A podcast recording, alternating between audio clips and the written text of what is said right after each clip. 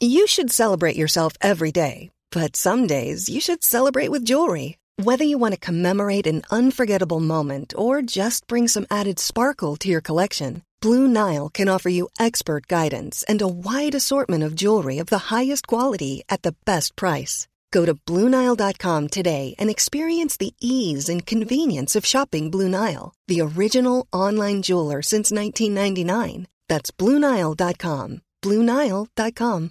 This is Paige, the co-host of Giggly Squad, and I want to tell you about a company that I've been loving, Olive and June. Olive and June gives you everything that you need for a salon quality manicure in one box. And if you break it down, it really comes out to $2 a manicure, which is absolutely insane. It's also so easy to get salon worthy nails at home with Olive and June. The difference between how your nails used to look when you did them yourself and now with the Manny system is a complete game changer. The best thing about Olive and June too is it's a quick dry. Dries in about one minute, lasts for five days, and full coverage in up to one to two coats. Visit oliveandjune.com slash perfectmani20 for 20% off your first system. That's oliveandjune.com slash perfectmani20 for 20% off your first system.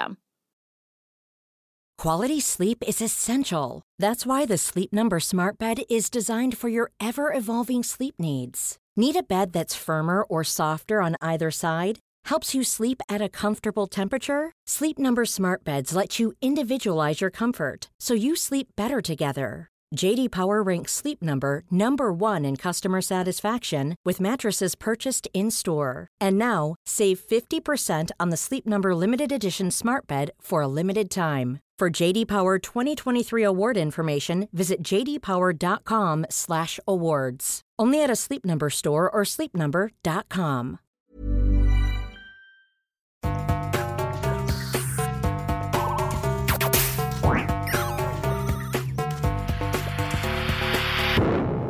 Velkommen til Sinnsyn.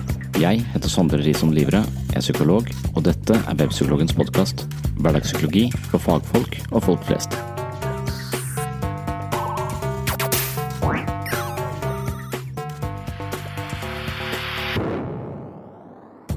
Ok, før denne episoden begynner, har jeg lagt inn noen innledende advarsler, og de er lagt til i etterkant. Dermed begynner egentlig ikke episoden før om noen minutter, men du er nødt til å høre dette her først. Jeg hadde tenkt å lage en episode om ME, eller kronisk utmattelsessyndrom, men jeg vet ikke nok om denne diagnosen. Jeg har selvfølgelig hatt mange pasienter som opplever denne tilstanden, men aldri helt forstått hvordan jeg skal forholde meg til det. Derfor inviterte jeg en kollega og psykiater som har engasjert seg i dette feltet, for en prat. Praten var interessant, og han tar for seg ideer innenfor kultur og samfunnspsykologi, nevrologi, psykologi og mye mer. Jeg opplevde at vi nærmet oss ME fra ganske mange innfallsvinkler i dagens episode, men innledningen ble altfor lang. Jeg begynte å lese opp en tekst jeg har skrevet i 2010, og det er en litt kjepphøy og arrogant kritikk av psykiatri og folk, og da folk i hermetegn. Jeg mener at vi ofte forsøker å lage enkle årsaksforklaringer på problemer som er langt mer komplekse og sammensatte, mens jeg fremhever psykologer som ganske vidsynte. Dette stemmer nok ikke helt, men jeg lar likevel tordentalen bli stående som en innledning til samtalen med psykiater Gunvor Launes. Som psykolog opplever jeg stadig at flere og flere diagnoser skal forstås og forklares i biologiske termer, og forståelsene kan være rett, men ofte for snevre til å gjøre regnskap for kompleksiteten i mange sykdomstilstander. Det er i alle fall poenget jeg forsøker å formidle i innledningen, selv om jeg innser at jeg kommer til skade for å uttale meg litt skråsikkert og kanskje litt provoserende. I alle fall ble jeg selv provosert av meg selv, slik jeg skrev denne innledningen, altså opplesning fra en tekst som jeg skrev for åtte år siden. Dersom du ikke gidder å høre denne tordentalen, anbefaler jeg deg å spole frem til samtalen mellom psykiateren og meg selv. Da må du spole ca 20 minutter inn i episoden. Samtalen med Gunvor Launes føler jeg er mer nyansert, selv om den sannsynligvis også er ganske provoserende for mange. Selv om du ikke tror det nå, er ME og utmattelsessyndrom et veldig betent felt, og det foregår en rekke stridigheter rundt denne diagnosen. Jeg forsøker å holde tunga rett i munnen, bortsett fra innledningen, men jeg klarer ikke å la være å gjøre samtalen litt lettbeint for underholdningens skyld. Og jeg klarer ikke å unngå en rask referanse til en serie med en treffende tittel i forhold til det som følger i denne episoden. Her kommer norske fordommer på sitt beste eller på sitt verste, alt ettersom hvordan du ser det. I dag skal vi snakke om sykdom, og det gleder jeg meg veldig til. For er det ett tema jeg kan mye om, så er det akkurat det. For jeg er utdanna sykepleier. Hva skjer det? Lars? Lars? Lars? Lars? Lars? Hva skjer? Lars? Hva hva skal skje? Ta og Ring ambulansen. Skal jeg bare ringe? Lars! Lars? Lars? Ja, hei. Kan jeg få en ambulanse til Tøyen? Lars?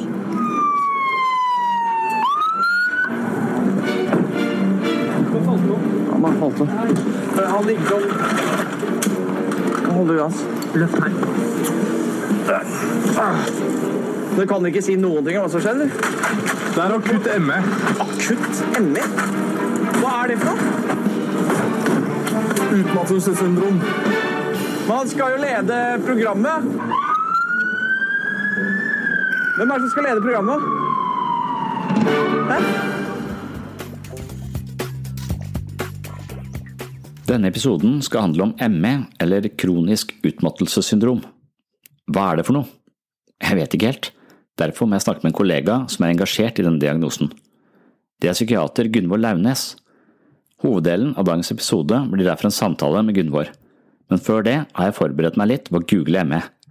På Norsk helseinformatikk finner jeg følgende oppsummering av tilstanden. Kronisk utmattelsessyndrom er en tilstand hvor hovedsymptomet er en vedvarende, anstrengelsesutløst utmattelse som fører til en vesentlig svekkelse av funksjon, og som ikke gir seg på vanlig måte med hvile. Symptomene skal være nyoppstått og en varighet på mer enn seks måneder. I tillegg til dette hovedsymptomet har alle pasientene noen eller mange tilleggsproblemer som svekket konsentrasjon, redusert korttidshukommelse, hodepine og eller muskelsmerter, søvnforstyrrelser, overfølsomhet for lys eller støy, ustøhet, influensalignende plager etter anstrengelse, hjertebank eller økt temperaturfølsomhet. Betegnelsen syndrom henspiller på at tilstanden er sammensatt av en rekke ulike symptomer og tegn. Syndrom er ikke ensartet, og det finnes ingen enkeltstående sykdomsmekanisme. Diagnosen stilles på grunnlag av pasientens beskrivelse og legens utelukkelse av annen sykdom. Ingen enkeltfunn ved legeundersøkelse, laboratorieprøver eller bildediagnostikk kan bekrefte diagnosen. Forskning på årsaker er vanskelig fordi det mangler karakteristiske fysiske funn, altså en biologisk markør, men tilstanden oppfattes som multifakturell, forårsaket av samvirke mellom biologiske, psykologiske og sosiale forhold. Pasienter med kronisk utmattelsessyndrom har en alvorlig sykdom og trenger en kyndig helsetjeneste både for diagnostikk og behandling. Jeg er redd for at vi ikke er helt der hvor vi har klart å innta et bredt nok perspektiv på en rekke symptomer og diagnoser innenfor psykisk helsespekteret. Før jeg spiller av samtalen med Gunvor Launes om ME, skal jeg lese opp en tordentale jeg skrev helt tilbake i desember 2010. Det handler om at de brede forklaringsmodellene taper terreng i dagens helsevesen. Hadde jeg skrevet om dette i dag, hadde jeg modifisert det litt, men jeg leser det opp slik det ble publisert på Webpsykologen for åtte år siden. Ofte forstår man diagnoser som ADHD, bipolar lidelse og ME i biologiske termer. Av den grunn foretrekkes ofte medisiner fremfor terapi. Spørsmålet er som følger, har vi for enkle løsninger på vanskelige problemer? Min utgangshypotese er at psykologer er flinke til å sjonglere mange perspektiver, tanketradisjoner og innfallsvinkler i håndtering av det menneskelige sinnelag og den menneskelige tilværelse. Fordi vårt fagfelt er plassert mellom samfunnsvitenskap, humanvitenskap og naturvitenskap, må vi forholde oss til sannhetskriterier fra ulike vitenskaper. Det gir psykologen en slags koldtbord av perspektiver i møte med mennesker, noe som legger grunnlaget for empati, respekt og dyptgripende forståelser av individet og samfunnet for øvrig. Samtidig skaper det en ydmykhet for sannheters relative karakter, og det resulterer i en forsiktig mentalitet som sjelden forhaster seg i sine uttalelser. I verste fall blir psykologen sittende i en taus, forståelsesfull og reflekterende posisjon, noe som kanskje er intellektuelt sofistikert, men samtidig svært ubehjelpelig når det handler om å promotere faget, uttale seg i offentligheten og fungere som tydelige støttespillere for mennesker i nød. I møte med progressive markedskrefter og medisinpsykiatriske perspektiver, som tilbyr raske løsninger på vanskelige problemer, risikerer den reflekterte psykologen å komme til kort. Av den grunn frykter jeg at vi taper terreng til ensporede behandlingsperspektiver, noe som er uheldig for fagfeltet og ikke minst for menneskene som sliter med psykiske lidelser eller andre lidelser som ikke nødvendigvis har en utelukkende psykisk årsak. Når det oppstår et problem blant en gruppe mennesker, er det som regel vedkommende som raskest kan definere problemet som får førsteretten på en løsningsstrategi. Min bekymring er at psykologen kommer dårlig ut i slike definisjonsdueller fordi flerfasettforståelser, som inkluderer ødipuskompleks, ubevisste arketyper, primalskrik, eksistensiell angst, evolusjonsbiologi og hjerneorganiske feilkoblinger er ganske uhåndterlige og vanskelig å selge til et bredt publikum. Dermed ligger definisjonsmakten, og ikke minst førsteretten til å intervenere, hos de enklere årsaksmodellene, Innenfor psykisk helsevern betyr det at brede metapsykologiske innfallsvinkler ofte utkonkurreres av medisinpsykiatriske perspektiver. La meg gi en litt unyansert beskrivelse av det jeg oppfatter som hovedlinjene i dagens psykiatri, eller psykisk helsevern som det heter, i et halvhjerta forsøk på å distansere seg litt fra det kompaniskapet vi har med somatikken. Grovt sett fokuserer klinisk psykiatri på forholdet mellom psykopatologi atferdsmønstre og psykofarmaka. I første del av det 19. århundre forholdt psykologien seg i første rekke til freudiansk metapsykologi, noe som har endret seg betraktelig opp mot vår tid. Dersom man vil ta temperaturen på psykiatriens status i Europa, bør man delta på World Congress of Psychiatry, som i 2008 ble avholdt i Praha. Her er det helt åpenbart at psykiatrien som felt står i en særdeles tett allianse med psykofarmakologiske selskaper, hvor de økonomiske interessene selvfølgelig veier tungt. Medisinfirmaenes økonomiske muskler er de som løfter mye av forskningen på feltet, noe som får enorme konsekvenser for sykehusenes behandling av mennesker med psykiske lidelser. Disse forholdene gjør at psykiatrien tenderer til å forstå den menneskelige bevissthet innenfor biologiske og nevrologiske rammer. Her nærmer vi oss en slags klinisk identitetsteori som lyder slik. Bevisstheten er et eh, nevralt system hvor problemer i førstnevnte skyldes en ubalanse i sistnevnte, og denne ubalansen kan vi korrigere med medikamenter. Ja, men hva med følelsene og tankene mine, roper psykologen i en fortvilet eh, posisjon under kongressen i Praha. Kan medisiner endre tankene mine også? Kan man ikke endre seg ved å arbeide med holdninger, perspektiver og innsikt? Og den evige problemstillingen gjør seg gjeldende nok en gang. Idealisme versus materialisme, kropp versus syke, den introspektive Sokrates versus den vitenskapelige Aristoteles osv. Det er politisk korrekt og nærmest en klisjé å uttale at psykiske lidelser handler om både arv og miljø, men i praksis og på folkemunne mistenker jeg at denne innsikten eksisterer, men på en overfladisk måte som ikke er velintegrert i vår håndtering av mentale problemer. Dessuten er det subjektive eller idealistiske perspektivet beheftet med litt magisk undertone, misbrukt av healere og karismatiske kvakksalvere i en årrekke, og selvfølgelig mindre etterrettelig enn skolemedisin.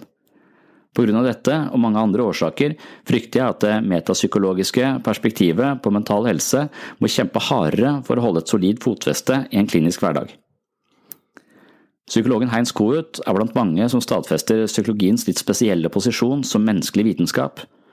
I artikkelen eh, Introspection, Empathy and Psychoanalysis fra 1959 skriver han den indre verden kan ikke utforskes ved hjelp av sansene. Våre tanker, ønsker, følelser og fantasier har ingen eksistens i den fysiske verden. Allikevel er de virkelige, og vi kan observere dem gjennom introspeksjon hos oss selv og ved hjelp av empati hos andre. Her er det snakk om eh, subjektive og non-materielle sannheter i hermetegn, som utgjør en særdeles viktig del av psykologisk teori og menneskesyn. Men samtidig representerer dette abstrakte kategorier som rent vitenskapelig er ganske uangripelige og likeledes vanskelig å definere presist. En av psykologiens opphavsmenn, William James, skrev at uh, «the greatest discovery of my generation is that man can alter his uh, life simply by altering the attitude of his mind». Det er en verdifull innsikt, men ikke uten videre enkel å innpasse i en vitenskapelig kontekst. På grunn av denne vanskeligheten mener jeg at psykiatrien fremdeles er belemret med et litt ekskluderende naturvitenskapelig verdenssyn. Vi skifter navn til psykisk helsevern, annet for å dempe de biologiske konnotasjonene som henger ved psykiatri, men fremdeles støter vi på tendenser som ligner biologisk determinisme. Det betyr at man forfekter et eh, somatisk eller genetisk og arvelig utgangspunkt for en rekke lidelser, og spesielt utsatt er diagnosekategoriene som inkluderer bipolar lidelse, ADHD og ME. Dersom man antar at disse symptombildene handler om en medfødt nevrokjemisk ubalanse som krever medikamentell stabilisering, en virusinfeksjon, en form for allergi eller andre fysiske årsaker, og samtidig ignorerer de psykodynamiske forholdene som unektelig ligger til grunn for menneskets selvforståelse og personlige stil i håndteringen av tilværelsens utfordringer, er det sannsynlig at vi har lagt ut på en smal sti som sponset av finansielle muskler i legemiddelindustrien. I tillegg ser det ut til at slike sykdomsmodeller favoriseres i et galopperende mediebilde hvor dybdepsykologiske forklaringer blir for omfattende og langtekkelige, og den perspektivpluralistiske psykologen overdøves i de viktige debattene. Det lanseres nye medikamenter for psykiske lidelser jevnt og trutt. Ofte skapes det blest rundt nye preparater, og noe av det skyldes kanskje nettopp et iboende håp om enkle løsninger på vanskelige problemer. Når det kurative tiltaket dreier seg om å svelge en pille eller få en injeksjon, er det klart at både pasienter og behandlere blir forventningsfulle. Rene biologiske sykdomsmodeller fratar imidlertid mennesket psykologisk ansvar og fritar oss fra den enorme anstrengelsen som kreves for mental selvutvikling, og slike byrder er det etter alt å dømme mange som er glad for å bli kvitt. Eksempelvis har ADHD og ME hatt en kraftig oppsving de siste årene, og jeg mistenker at noe av årsaken handler om den eh, biologiske fornemmelsen som omkranser disse diagnosene. Man kan være enda mer moraliserende og forfekte at tendensen handler om en stadig større intoleranse for eksistensiell angst og generell nød. I dagens samfunn, noe Per Fugli kaller nullvisjonen, men det hører til en annen diskusjon. Jeg er imidlertid sikker på at veldig mange behandlere har en bredere forståelse av eksempelvis ADHD som inkluderer et flertall av perspektiver men min erfaring er at store deler av befolkningen hviler en biologisk determinert oppfatning av ADHD, og jeg formoder at dette kan gjøre regnskap for noe av diagnosens popularitet. Jeg kan ikke spille piano, men det kan jeg lære ved iherdig trening. De områdene i min hjerne som håndterer musikalitet, leser noter og koordinerer finmotorikken i fingrene, vil garantert endre seg, og mine nyervervede pianoferdigheter har dermed satt fysiologiske spor i mitt mentale maskineri kan mennesker med ulike varianter av konsentrasjonsproblemer trene seg opp på samme måte og vinne en tilsvarende psykologisk og fysiologisk effekt. Det er mye som tyder på at de i alle fall representerer en mulighet, men etterslep fra et tradisjonelt medisinpsykiatrisk perspektiv tenderer til å undergrave denne muligheten, og når man nevner det for pasienter, har jeg flere ganger opplevd noe som ligner et brudd i alliansen. Muligens bør mine intervensjoner fininnstilles, men samtidig har jeg en fornemmelse av at ansvaret som følger med et selvutviklingsperspektiv, i hermetegn, hvor man kan gjenvinne kontroll på egen helse ved hjelp av indre styrke og mentaldisiplinerende teknikker, oppfattes som skremmende, kanskje fordi en slik investering i eget liv virker tung og uoverkommelig fra en posisjon i psykologisk underskudd. Her vil jeg bare skyte inn at i min egen lesning av denne teksten eh, oppfatter jeg meg selv som eh, litt eh, kjepphøy her, så jeg vil bare blande meg selv inn i dette bildet og si at brede forklaringer Eh, på, meg sjøl er også ekstremt vanskelig. Når jeg innser at jeg ikke gjør jobben som pappa på en god nok måte, så er det veldig lett for å skylde på ukonsentrasjon, mangel på modenhet osv. på alle folk rundt meg, eller på barna mine for den saks skyld, selv om jeg innerst inne vet at det er min oppmerksomhet, min tilstedeværelse, som i hvert fall spiller en rolle i dette, eh, i de utfordringene jeg opplever eh, i hverdagen. Og det å kreve at folk skal innta veldig mange perspektiver eh, på, på, problemer i sitt eget liv, når man eh, i utgangspunktet føler seg ganske pressa, nå kan jeg egentlig bare snakke om meg selv, det, det anser jeg som uhyre tungt. Og hvis noen da kunne kommet med en enkel løsning på disse eh, vedvarende og vanskelige problemene våre, så ville det oppleves som en lettelse. Og jeg mener vel i denne teksten at eh, de, det jeg kaller medisinpsykiatri, eller mer sånne naturvitenskapelige perspektiver på problemene våre, det eh, fritar oss litt for det psykologiske ansvaret. Og det tenker jeg er eh, Det kan virke lettende der og da, men jeg tror på lang sikt at det ikke er en god holdning. Dermed er det ikke sagt at disse, eh, disse, perspektivene er feil, jeg tror de representerer absolutt en sannhet. Jeg tror at veldig mange eh, lidelser eh, krever eh, medikamentell oppfølging, spesielt bipolar lidelse. ME vet jeg ikke nok om enda, det skal vi undersøke litt senere i denne eh, eh episoden. Men, men, poenget er at jeg ofte opplever at, at noen diagnoser får en popularitet fordi at det virker som om det har en ensidig og endegyldig forklaringsmodell som er av biologisk karakter. Og kanskje er det mitt perspektiv som gjør at ja, men da har ikke jeg noe å bidra med. Jeg jobber jo med måten vi opplever oss selv på, ikke hvor, hvordan hjernen er i mer eller mindre ubalanse. Jeg er helt sikker på at hjernens balanse spiller en ekstremt stor rolle på vår egen opplevelse av å være oss, men jeg mener jo også at det finnes da to perspektiver, altså et nedenfra-opp-perspektiv som går fra hjernen til opplevelse, men også et perspektiv som går fra måten jeg tenker på, måten jeg opplever meg selv på, og at det også påvirker resten av systemet mitt, og til og med hjernens fysiologi, kan man si. Eh, så det å kombinere disse perspektivene, det tror jeg er ekstremt viktig. I hvert fall når vi møter nye eh, på en måte symptomer og nye eh, sykdommer. Og det er der jeg føler kanskje at vi kjemper, må kjempe litt hardt for å stå imot enspora forklaringsmodeller. Og om ME er et slikt tilfelle av hvor det, hvor jobbes hardt for å få enspora forklaringsmodeller, det er jeg litt uh, usikker på. Det skal vi også finne ut ganske snart. Jeg skal bare bli ferdig med å lese opp denne artikkelen som jeg reagerer litt på selv, fordi jeg syns den var litt moraliserende. Men nå har jeg skrevet det, men det er jo tross alt for åtte-ni år siden, så jeg var vel moraliserende på det tidspunktet og håper kanskje at jeg har gjort noe med det. Men i hvert fall så oppdaget jeg det når jeg leser dette her.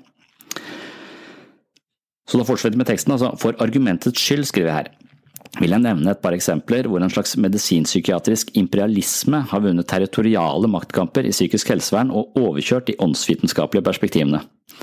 Dette er et tema som blant annet Christopher Lane debatterte i boken Shyness – How Normal Behavior Became a Sickness. Lane forteller en viktig historie om hvordan en revisjon i diagnosemanualen i 1980 førte til en kraftig økning i antall diagnoser, han legger frem hittil ukjent dokumentasjon fra APAs arkiver, altså American Psychological Association, og viser hvordan revisjonsprosessen var sterkt influert av eh, psykofarmakologiske produsenter som naturlig nok ønsket seg flere diagnoser å medisinere.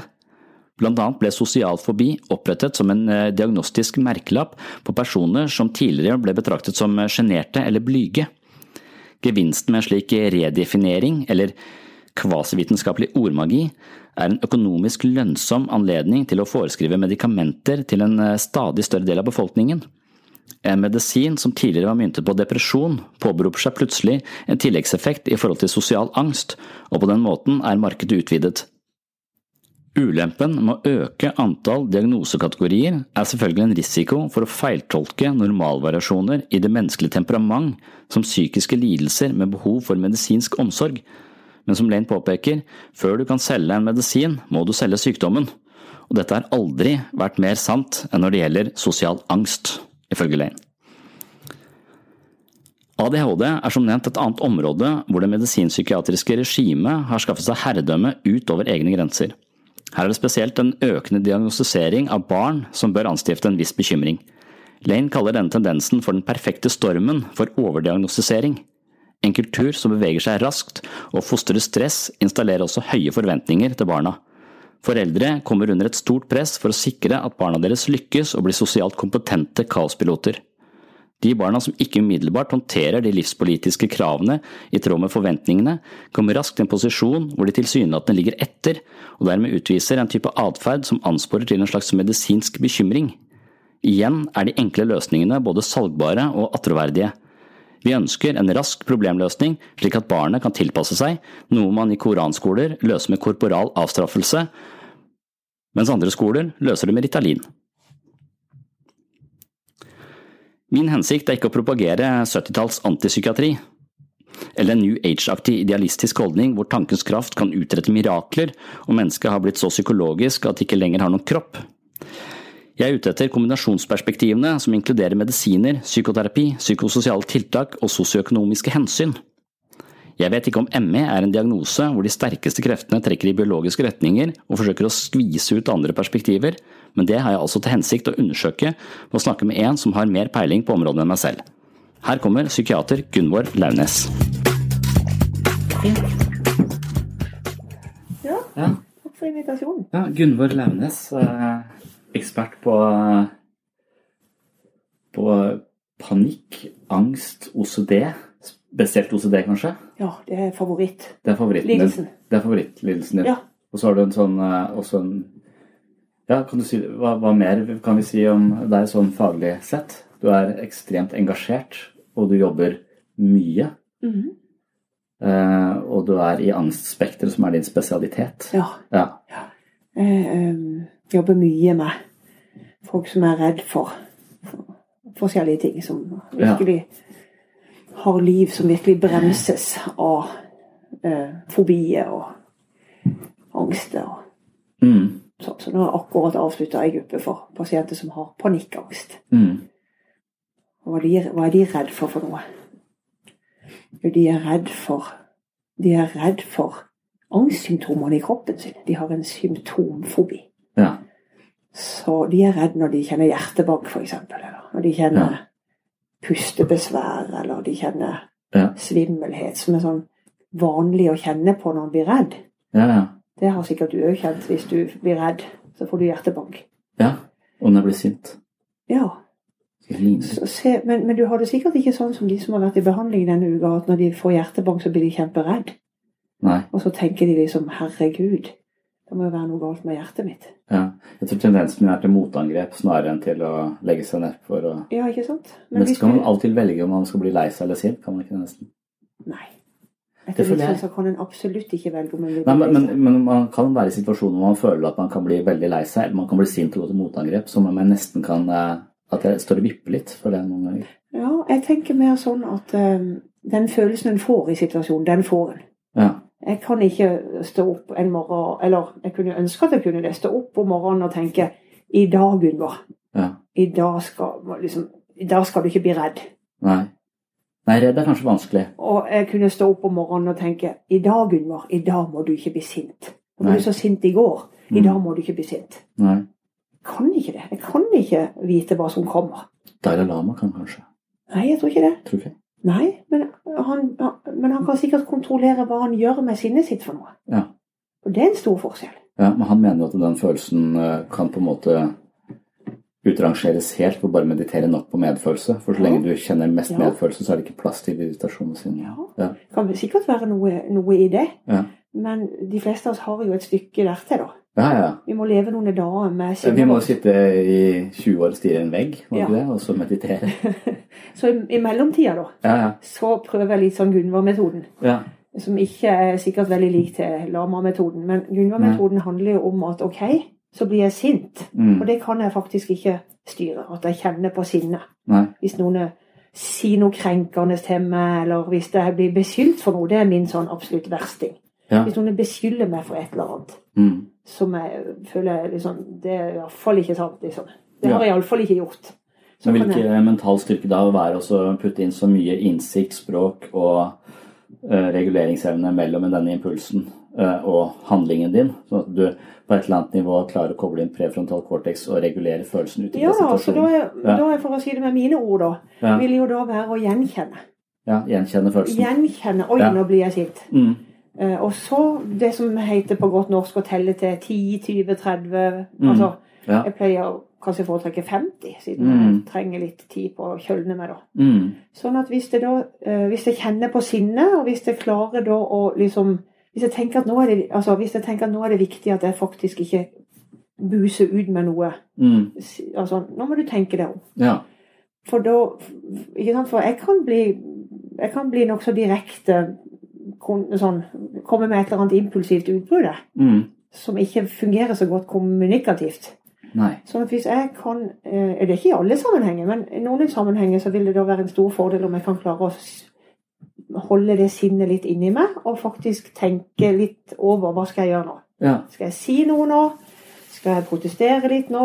Skal jeg si ty Hvor tydelig skal jeg være nå? Og Mm. høy stemme Altså, hvordan skal jeg reagere her? Mm. Og da kan det jo være at jeg f.eks. kommer fram til at ja, nei, jeg er ordentlig uenig, ordentlig irritert og litt forbanna her, men OK. Mm. Sannsynligvis så kommer det ikke noe særlig godt ut av at jeg sier noe nå. Nei. Det kommer ingenting godt ut av det. Så nå bare holder jeg kjeft. ja. Og det er en form for mental styrke at du klarer å gjenkjenne følelsen, men heller ikke utagere den. Ja, jeg tenker det. Ja. Men det er jo vanskelig, da. Ja, absolutt. Jo sintere en blir, jo vanskeligere er det. Jo mer krenker jeg føler meg, jo mer får Mm. jeg lyst til å si du skal, det skal du faen meg bare drite i. Mm. Altså, Men du hadde tenkt deg godt om før du skrev den kronikken eh, i avisa, følte Ja. jeg, for den var eh, balansert og, og sindig. Ja, og det, det er et godt poeng det, eh, Sondre. For når jeg leste den forsida der Ja, ja. eh, Det var For, litt for det jeg ville snakke med om det, Ja. i dag var ME, utmattelsessyndrom. Ja. For det har du også engasjert deg, selv om det ikke er ditt hovedfelt. Så har du, Mm. er du ganske godt inn i det for tida, og du hadde skrevet en kronikk eh, i sommer. Ja. Og så kan du si nei, ME er ikke mitt hovedfelt. Men det som jeg ser, da, og mener at jeg ser, Mm. det er jo at en del av de som blir liggende veldig, veldig, veldig syke, Mm. med et elendig funksjonsnivå Mm. Det er jo en forferdelig lidelse vi snakker om.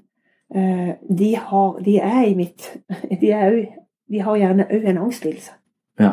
Jeg har møtt noen av de. Ja. Jeg har møtt noen utmatta som egentlig har vært livredde. Ja. Rett og slett. Men så er det bare det at det får ikke, det, det får ikke et sånt fokus. Nei. For de vil jo ikke, disse ME, de som har fått ME-diagnose, de vil jo på en måte ikke ha noe med psykiatrien å gjøre.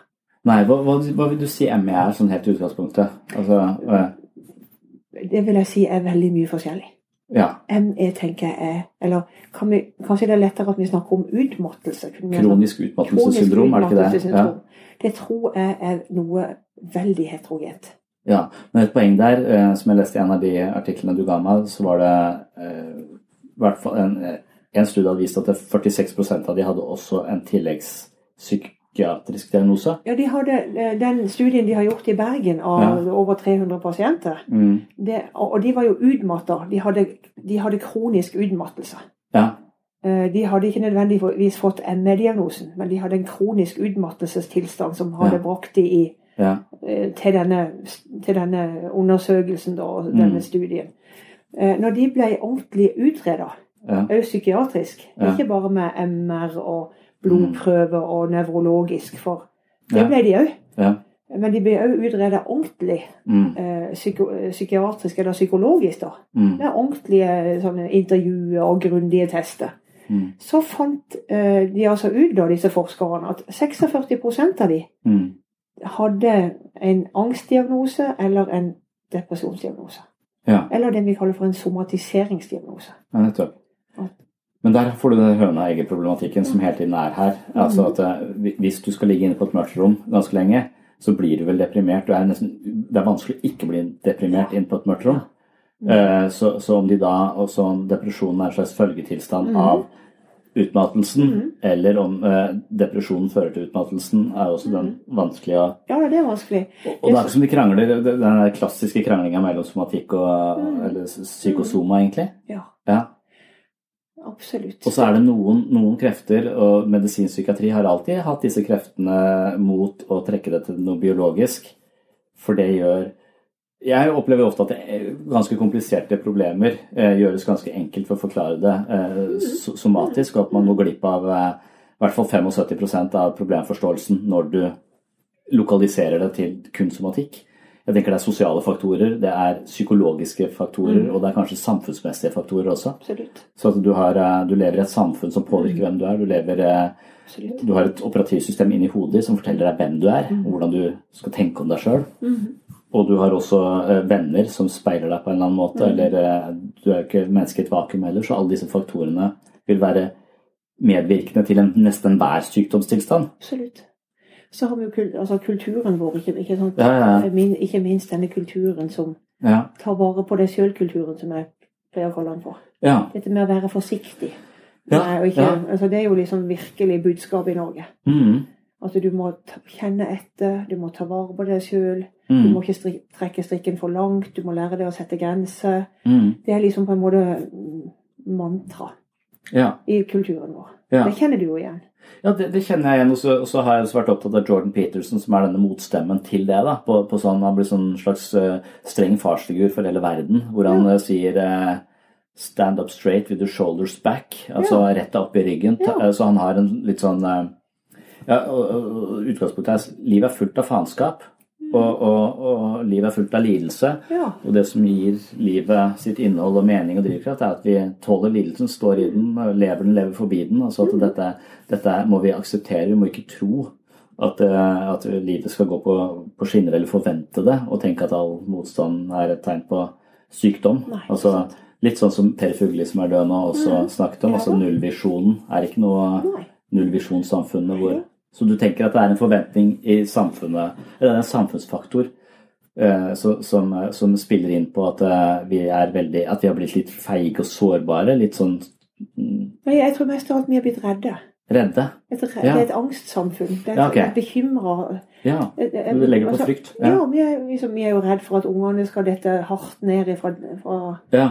klatrestativet, så der Mm. har vi fått, ikke sant. Vi er redd for at vi ikke skal få sove mange nok timer om natta, for da kan vi få minst tre, fire, fem, seks sykdommer. ja. Vi er redd at ikke vi skal være tidlig ute og oppdage mulige tegn på kreft. ja, ja. Nå kommer jo november snart. ja. Eh, Da har sikkert du tenkt å ha Nei, jeg har så dårlig skjeggvekst, så det blir så stusslig. Det er okay. ikke mus om- uansett da, som det Ja. Eh, Da skal jo mennene eh, til. Eh, Og da skal det være en påminning om at menn er dårlige til å gå til legen, så de må Ja. Da får de kreft fordi at de passer ikke på og sånn. Så det er jo sikkert så mye eh, sannhet i det, da. Ja. At menn kan være skjødesløse med helsa si. Ja. Men på samme tida så blir det jo en sånn Nå må du passe på. Nå må Mm. du ta blodprøve. Nå må du ta? Mm. Og Helt uavhengig om de blodprøvene er sensitive eller spesifikke, Mm. så går jo da en hel liten nasjon rundt, og iallfall mange, da, Mm. og lurer på bør jeg ta den PSA-en som forteller meg om jeg har kanskje har blitt Altså kan være i grenseland til å få en prostatakreft, eller Ja. denne PSA Du er ikke så gammel at du har begynt å interessere deg for sånne Jeg tisser mye om natta, men jeg føler mer det er eh, tvang.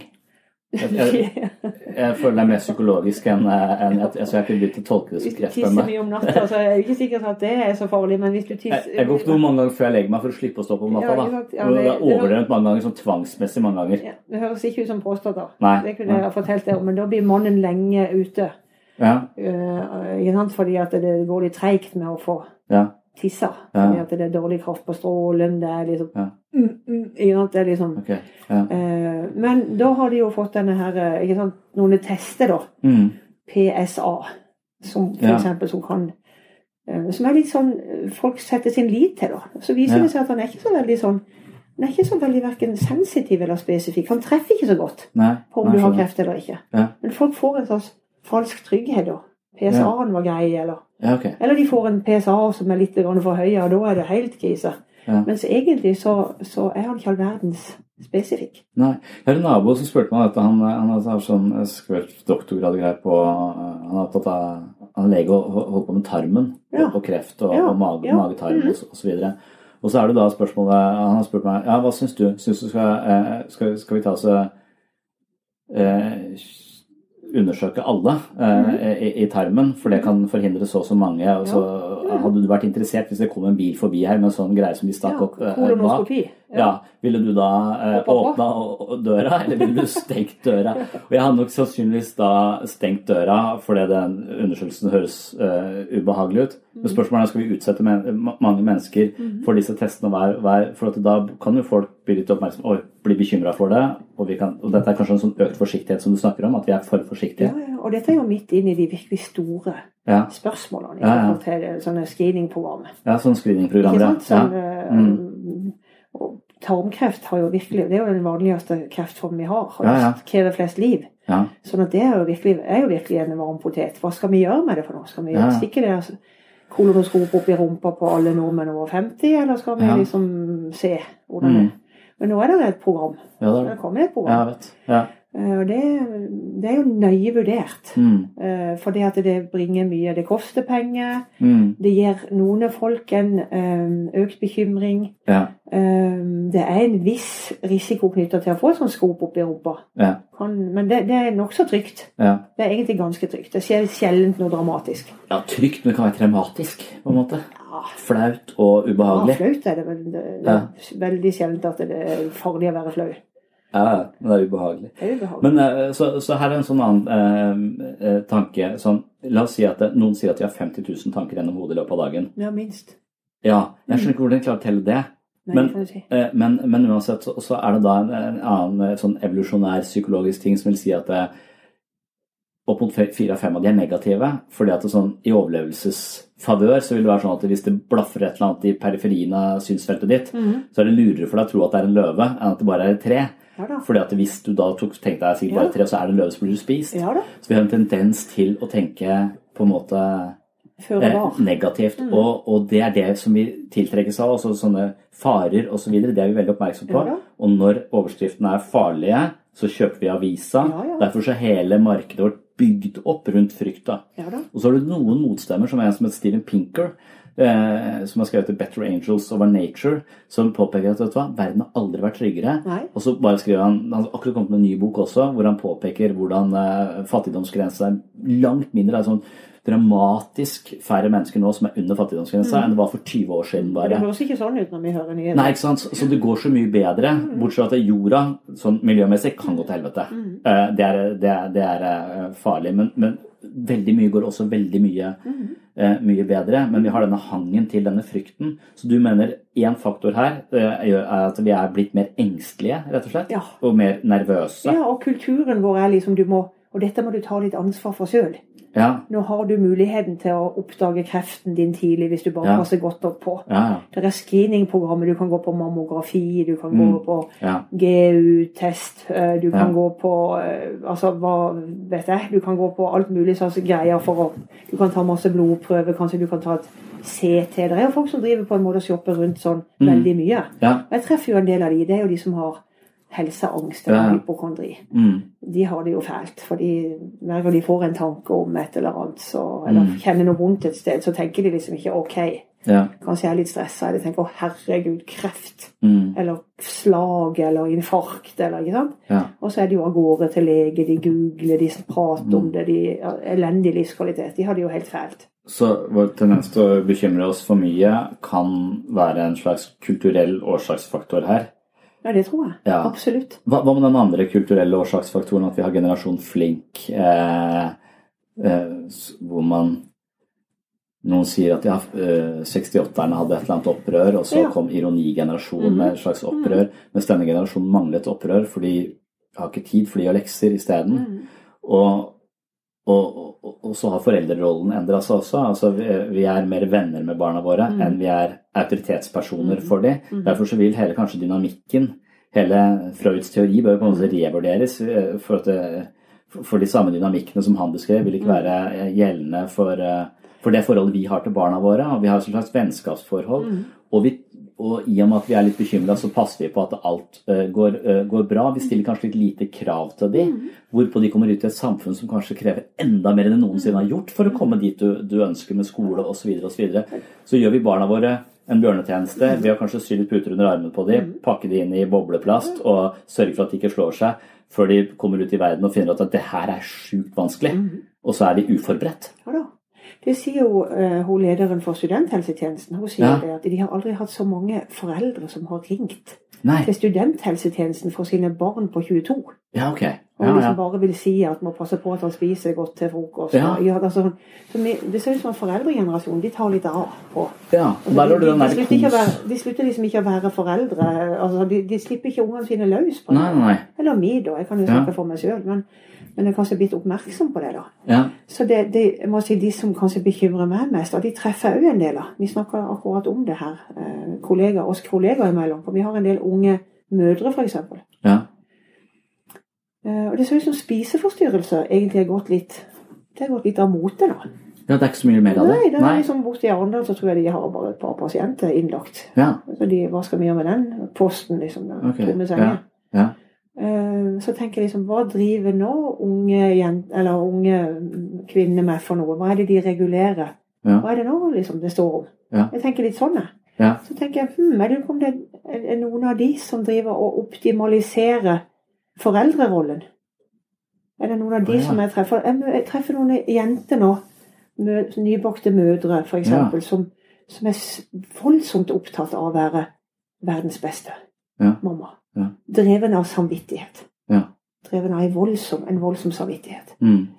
Og jeg har ikke jobba mye med spiseforstyrrelser, men det jeg har jobba med spiseforstyrrelser, handler jo mye om samvittighet. Dårlig samvittighet for å ta Mm. et kakestykke.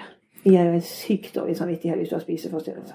Ja, det er mye kontroll og mye regulering, og det er mye sånn kanskje ja, ikke kunne unne seg noe. At det er en sånn ja, underliggende sant? ting der. Hvis du unner deg noe, så Ja. syns du ikke du har fortjent det, så da får du dårlig samvittighet. Er litt Høyt, stort superego. Veldig streng mot seg selv. Ja, for du Ja. og jeg snakker veldig, vi snakker veldig forskjellig språk, du og meg. For Ja. Jeg snakker mye et følelsesspråk. Ja. For i mitt hode Ja. så handler det mye om å liksom ikke Altså sånn tåle Altså, Ja. det gir en skyldfølelse. Ja. Dette har ikke jeg fortjent, dette er ikke riktig, Ja. dette er feil. Og for meg så handler det om at du har en for streng dommer Ja, eh, så, som, som, Ja. som liksom dømmer deg. Ja, det- og det er det samme. det, og det kan ja. gjerne være deg sjøl, som er den dommeren, men du har fått et sted ifra. Ja, du har det fra et eller annet sted. Kultur, andre folk, Ja. foreldre, Ja. whatever. Det, det blir programmert av alle de erfaringene du på en måte gjør det. Hvordan du leser eh, Så nå lurer jeg på om det er de samme vi ser, da. De som pleide å være der borte og være radmagre. Ja, okay. Livsfarlig Ja. tynne. Men kan du tenke sånn om ME-diagnosen også? At, eh, for vi hadde jo musesyken en periode, og så hadde vi det her med å ha, ha sånn der eh, De som gikk med nakkekrage, var whiplash. Det er jo ingen som har whiplash Nei, lenger. veldig lite. Det Og det er ingen liksom som har litt av mote. muse- Det har liksom eh. Syken. Og nå sier du at det kanskje spiseforstyrrelser er på vei nedover. Det, det vet vi kanskje ikke helt, men Nei, vi, vi gjør ikke det helt, Men- men, jeg, har hørt at, jeg har bare hørt at i vårt sykehus mm, så ser det ut som at det er liksom, De krever mindre ressurser nå. Ja. Sånn, det, jeg, bare, jeg er ikke helt sikker på om det er riktig, men om Nei. det er bare en sånn ja. om det er bare en tilfeldig variasjon. Mm, At akkurat i 2018 fra mars til november så var det ikke noen i Vest-Agder og Øst-Agder som ble så veldig spiseforstyrra. Det kan jo være sånn. Ja. Men, um, og det, det kan være sånn, men, men jeg lurer meg på om det holder på å skje noe kultur, i kulturen vår som gjør at det, det er andre ting som overtar. Ja, Så det som heter ortoreksi da isteden, som Ja. egentlig er eh, riktig vekst altså Ja. Anoreksi betyr vel lite vekst, nå er det ortoreksi som Ja. betyr riktig, riktig vekst. Ja, at du har Perfeksjonisme. Ja, det er en perfeksjonering av kroppen. Da. Muskler, og at du trener riktig, og at du har de sixpacken på rett plass. Og, sant? Men tenker du da at um, uh, ME eh, Hvis vi ser at mennesket har en form for lidelse som kommer til utløp på en eller annen måte, og hvis det ikke ja, og den vil, alltid, den vil alltid komme til utløp et eller annet sted. Den vil alltid finne et eller annet kulturelt eh, ut, En uttrykksform eh, som får et språk, som får en, uh, en tittel, som får liksom litt blest, hvor det er mulig å kanalisere smerten. Litt sånn som noen gråter veldig i begravelser til folk de nesten ikke kjenner. Bare som om det er en slags ventil, en mulighet til å ventilere sorg som de ikke fant noen annen plass for, nærmest. Eller at det, at det kan fungere litt på, uh, på den måten. Eh, Men, men er det da som at vi gjør For nå har jeg dritvondt i ryggen nå. Ja. eh, og mener at det er uh, psykisk? tenker jeg. Altså, kona mi mener nemlig at det er psykisk. ja. Og det er jo psykisk i den forstand at hun mener at jeg har jobbet for mye, eh, vært, hatt for mye ting å gjøre på ettermiddagstid, for mange ting som krever for mye, og da stresser jeg for mye, og så løfter jeg feil, så får jeg vondt i ryggen. Så det er en slags psykologisk årsak til at jeg tar mindre hensyn, da. Ja. At jeg løper for fort, på en måte. Høres ut som du er gift med en psykolog. Ja, det er jo det. Er du det? Ja, Ok. ja. Så, eh, eh, så, så, så alle, alle, uansett alle tilstander, har liksom både en fysisk og en psykisk komponent. eh, Uh, uansett. Mens den debatten her da går vel på Noen ønsker at den skal være så, Det fins jo ingen det er, det er en lege der som sier at eh, ja, men selv kognitiv terapi etter hjerteinfarkt har en effekt på tilbakefall, eller, eller, eller får hjerteinfarkt på nytt, eller Ja, altså Jeg tenker at i den ME-debatten, da, Ja. så har vi gått oss helt, helt fast. ja. I en, I en sånn eh, krangel om er det psykisk eller er det, er det så, eh, fysisk. Ja. Som er veldig, veldig uheldig. Ja. Og når du spør liksom Tenkte jeg meg lenge om når jeg skrev? Ja. Ja, jeg tenkte meg lenge om da. Ja. Fordi at det, det er veldig, folk som er veldig plaga, Ja. som ligger rundt omkring. Ja. Eh, og det er ei gruppe som jeg har veldig stor grad av både ydmykhet i forhold til og respekt i forhold til, fordi at de har det så fælt. Ja, ja. Sånn at jeg var, når jeg skulle skrive dette, Mm. så var det noe jeg virkelig ikke hadde lyst til, så var det å krenke noe og sparke noen som ligger nede. Mm. Uh, så uh, jeg brukte en, en del tid på det. Men en gang jeg leste den der uh, inngangsartikkelen der skrevet av en kollega av meg, ja, men Er den skrevet, eller er hun med Du tenker hun Nina Werring? Eller? Ja. for at hun, hun er intervjuet, er hun ikke det? En, en lengre reportasje om hun, ME. Hun er intervjua. Ja. Eh, Og den lengre reportasjen om ME inneholder et intervju med henne. Ja. En, en kollega av meg, en lege, Mm. som, har, som beskriver sin utmattelsestilstand. Ja. Og hun beskriver òg hvordan det å presse seg Mm. til å jobbe Mm. Hvordan hun på en måte beskriver det som veldig negativt for henne. Mm. Og at det endte med trygd, og det endte med Mm. Altså det å være både lege og mamma Mm. Eh, og eh, I hvert fall de to funksjonene ble for Ja. mye. Ja. Eh, sånn at Hun advarer, da. Hun advarer. Denne legen advarer mot å ignorere Ja. disse symptomene, utmattelsessymptomene, og presse seg. Ja. Og, eh, og så står det mer i denne avisen. Det står litt om Mm. Sør Sørlandet sykehus sin ME-poliklinikk, Som er brukerstyrt. som er brukerstyrt. Og der denne legen er i styret. Ja. Uh, der er uh, en ME-sykepleier. Mm. Uh, jeg visste ikke at det var noe som heter ME-sykepleier. Ja. Jeg har aldri sett at det er en utdanning for ME-sykepleiere. Mm. Så jeg det er jo litt interessant. Mm. Det ser ut som at den tenker, iallfall på Sørlandet sykehus, at den blir ME-sykepleier hvis den har snakka med et visst antall ME-syke. Ok. Du tviler på kompetansen. Nei, jeg tenker at hvordan blir du anestesisykepleier?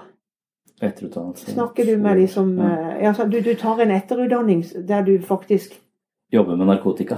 Ja, du, du lærer mye om hva du gjør med folk som? Hvordan blir du hjerte... eh, Sykepleier Eller hvordan blir du liksom eh, sånn der Hjernekirurg. Ja, det, du snakker med eh, 25 stykker med hjernesvulst Ja.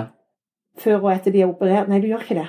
Du, du, du, det er noen ferdigheter. Mm. Det er noe eh, kunnskap som må være på plass. Mm. Sånn at jeg, Ja, det er sant, jeg er skeptisk til Det er riktig, det. Du, du lukter riktig. Ja.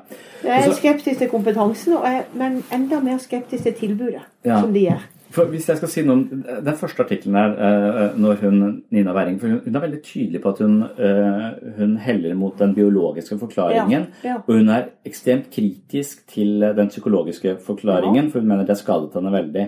Ja. Men her kan man også se for seg at eh, hvis vi mener at denne gruppa overhodet ikke er noen homogen gruppe, men en veldig heterogen gruppe, Veldig så, så vil man kunne se for seg, eh, hvis man tenker psykologisk på det, som vi, jeg gjør her og du gjør her, Mm. på en måte, så, og jeg jobber jo med personlighet eh, i, i gruppeterapi, Mm. Ja. så, så vil jeg eh, kunne tenke at det finnes ulike operativsystemer oppi hodet vårt Mm. som påvirker også hvordan symptomene våre eh, påvirker oss, og hvordan de bør helbredes, på en måte. Ja. Så jeg kan se for meg at Jordan Peterson han vil si at det er veldig mange mennesker eh, eh, som ikke tar ansvar for eget liv, og ikke har troa på seg selv, men hvis de får et tupp i ræva og sier at du, du må stå opp, ta ansvar for livet ditt, så blir livet mer meningsfullt. Jo mer ansvar du klarer å bære, jo mer meningsfullt blir det. Nå sitter du i en offerposisjon, og, og, og livet virker totalt eh, meningsløst. Så du er nødt til å ta deg sammen, på en måte.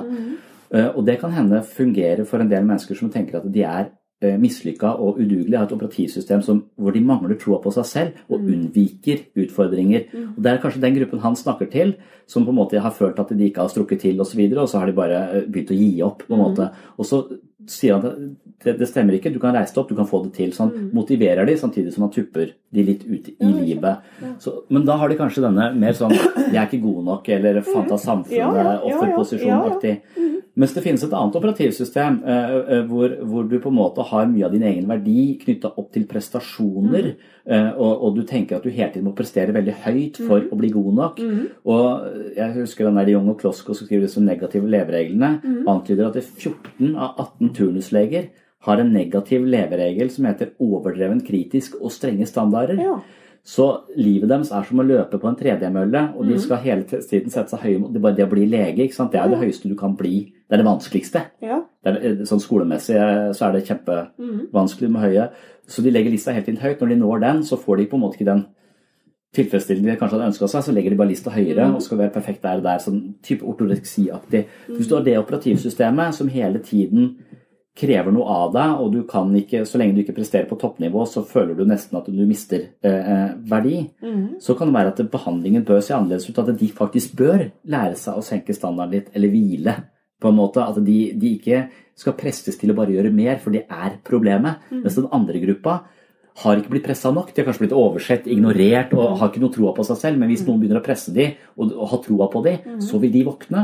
Så vi har to helt forskjellige psykologiske disposisjoner som begge to kan føle seg utmatta, men som likevel vil respondere helt forskjellig på ulike innfallsvinkler til eh, eller terapeutiske innfallsvinkler. Den ene bør trappe ned, jekke seg noen hakk for å finne en ny balanse et eller annet sted, mens de andre bør pushes til å Men når, ut, ja. ja. da, men når du sier det jekker seg ned litt Nei, bare Så- senke standarden med 30 Ja, står det i den Ja, eh, ja, ja. ja og, det, det, men det, det, og det er interessant. For Ja. i manges øre, når de får dette her med å ta det med ro eller jekke seg ned For det er det jo mange som Ja, får Jekke det. seg ned er kanskje ikke riktig Nei, uttrykk, men, men men eh, ta det mer med ro. Ta Ja. vare på. For det er jo det, dette ta vare på deg sjøl, eller tåle å være middelmodig. ja, tåle å liksom Ja. klappe deg sjøl på skuldra og tenke at du er god nok, eller gi Ja. faen, som han sa, han. Gi mer faen, som han sa, han eh, Per Fugelli.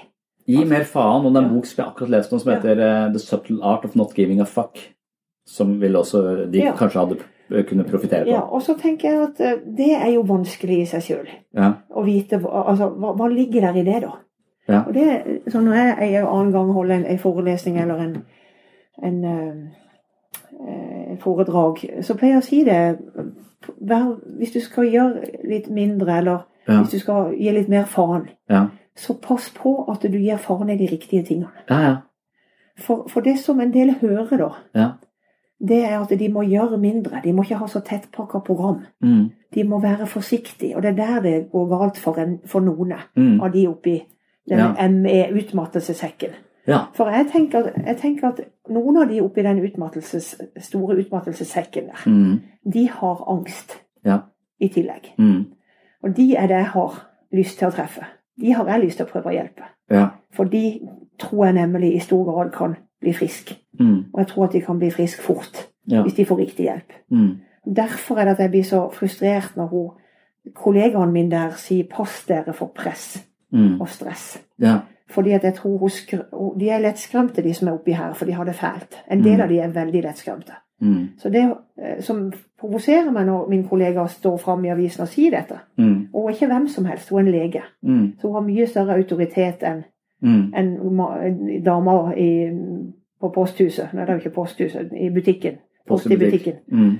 Eh, Hun har mye større autoritet når hun sier dette. Mm. Så når det jeg blir på, på litt provosert og litt overgitt, som min avdøde mor ville ha sagt, Mm. er at jeg er redd hun kan skremme noen bort ifra en behandling som kunne ha gitt dem nytt, nytt liv i løpet av 14 dager. Mm. Som f.eks. Lightning Process Mm. har gjort det for ganske mange. Ja. Ca. 20 Ja. av de som har fått Lightning Process, som en egen Mm. psyko, sånn psykologisk tilnærming som Mm, de, terapi, Ja, altså de er jo litt hemmelighetsfulle. Litt. ja, jeg vet. Men jeg blitt kjent med noen av de. Jeg er kjent, kjent med en av dem som jeg Ja. snakker litt med. Mm. Jeg har vært på noen kurs om dette, så jeg Mm. tenker jo at det er en sånn psykologisk tilnærming. Ja. Eh, Men de vil jo ikke helt fortelle hva Vi går ikke helt ut med hva de driver med for noe. Nei, og da ligner det litt på Syntologikirken, så det må de passe seg for. Jeg tror de bør bare være åpne. Jeg tror det blir litt, eh, litt åpnere etter hvert. da. Ja, Jeg synes det er veldig interessant. Men jeg vet iallfall at hvis jeg hadde hatt en 20-åring Ja, eller 18-åring hjemme ja, på, på loftet som lå og, med solbriller og ørepropper og Ja. var livende redd for lyder og utmattelse og var eh, veldig, veldig sug av dette, ja. Så ville jeg ha vært villig til å prøve hva som helst. For i alle fengsler er det liksom det, den straffen du får. For, blir ikke kastet på isolat hvis du ikke oppfører er deg? Sånn, I hvert fall i ja. Det er amerikanske fengselsfilmer så er jo dette Det, en det er grusomt. borg- eller er ligger tett på en torturmetode. Det, det er det. det Ja. å bli, for det er, jo, det er jo det som blir så feil, etter mitt skjønn, at de som først er redde, Ja. og de er redde oppi her, Mm. når de hører sånn at du må passe deg for å presse deg, Ja. så, så blir de jo livredde. Mm. Ikke sant? Så da, da, da, da presser de seg ikke noe. De blir veldig redd for å bli trøtt. ja. De blir veldig redd for å bli trøtt. For, for vil det være et universelt prinsipp, sånn som man tenker altså, Du skal og det tenker jeg vi er dårlige på på poliklinikken også, at vi har en type empati som kanskje er nesten litt invaderende og ønsker å være til hjelp for folk så mye at vi kanskje gjør de hjelpeløse. Altså i verste Jeg mener jo at man ved en innleggelse i psykisk helsevern risikerer å ha en viss funksjonsnivå når du tar bussen hit og går opp hit med din egen koffert, mens tre dager senere driver og trener på å gå tur ned på parkeringsplassen. Som om funksjonsnivået ditt plutselig bare har, har eh, stupt, eh, eh, på en måte. Og at eh, vi ønsker å hjelpe, og, men i det vi hjelper, det er jo en veldig tvega sverd, det å hjelpe. Altså, du, du skal vel kanskje aldri hjelpe noen med noe de kunne ha klart selv? Nei da, men jeg, jeg tenker Nei, nei det, det, tenker jeg òg. Men jeg tenker at de, de reddeste her, Ja. de um, uh, De havner helt i Altså, de er, når du er ordentlig redd, Mm. så blir jo Hva er karakteristisk for det å være ordentlig redd? Mm. Det er jo på en måte at fornuften din Det som Ja, er lurt å gjøre. Ja. Det, det, fors, altså fornuften forsvinner litt. Ja. Og, og, og, så, så folk blir på en måte litt sånn De setter seg helt fast oppi dette. Foreldre blir jo òg redde. ja. Sånn at jeg tenker det som da trengs, det er jo faktisk at noen med noe kunnskap om dette ja. eh, hjelper disse menneskene til å se alternativet. Ja. Når du ligger der på dette rommet, Ja. og du har vært på ME-poliklinikken, Ja. og der har de spesialisert seg på hjelpemidler. Mm.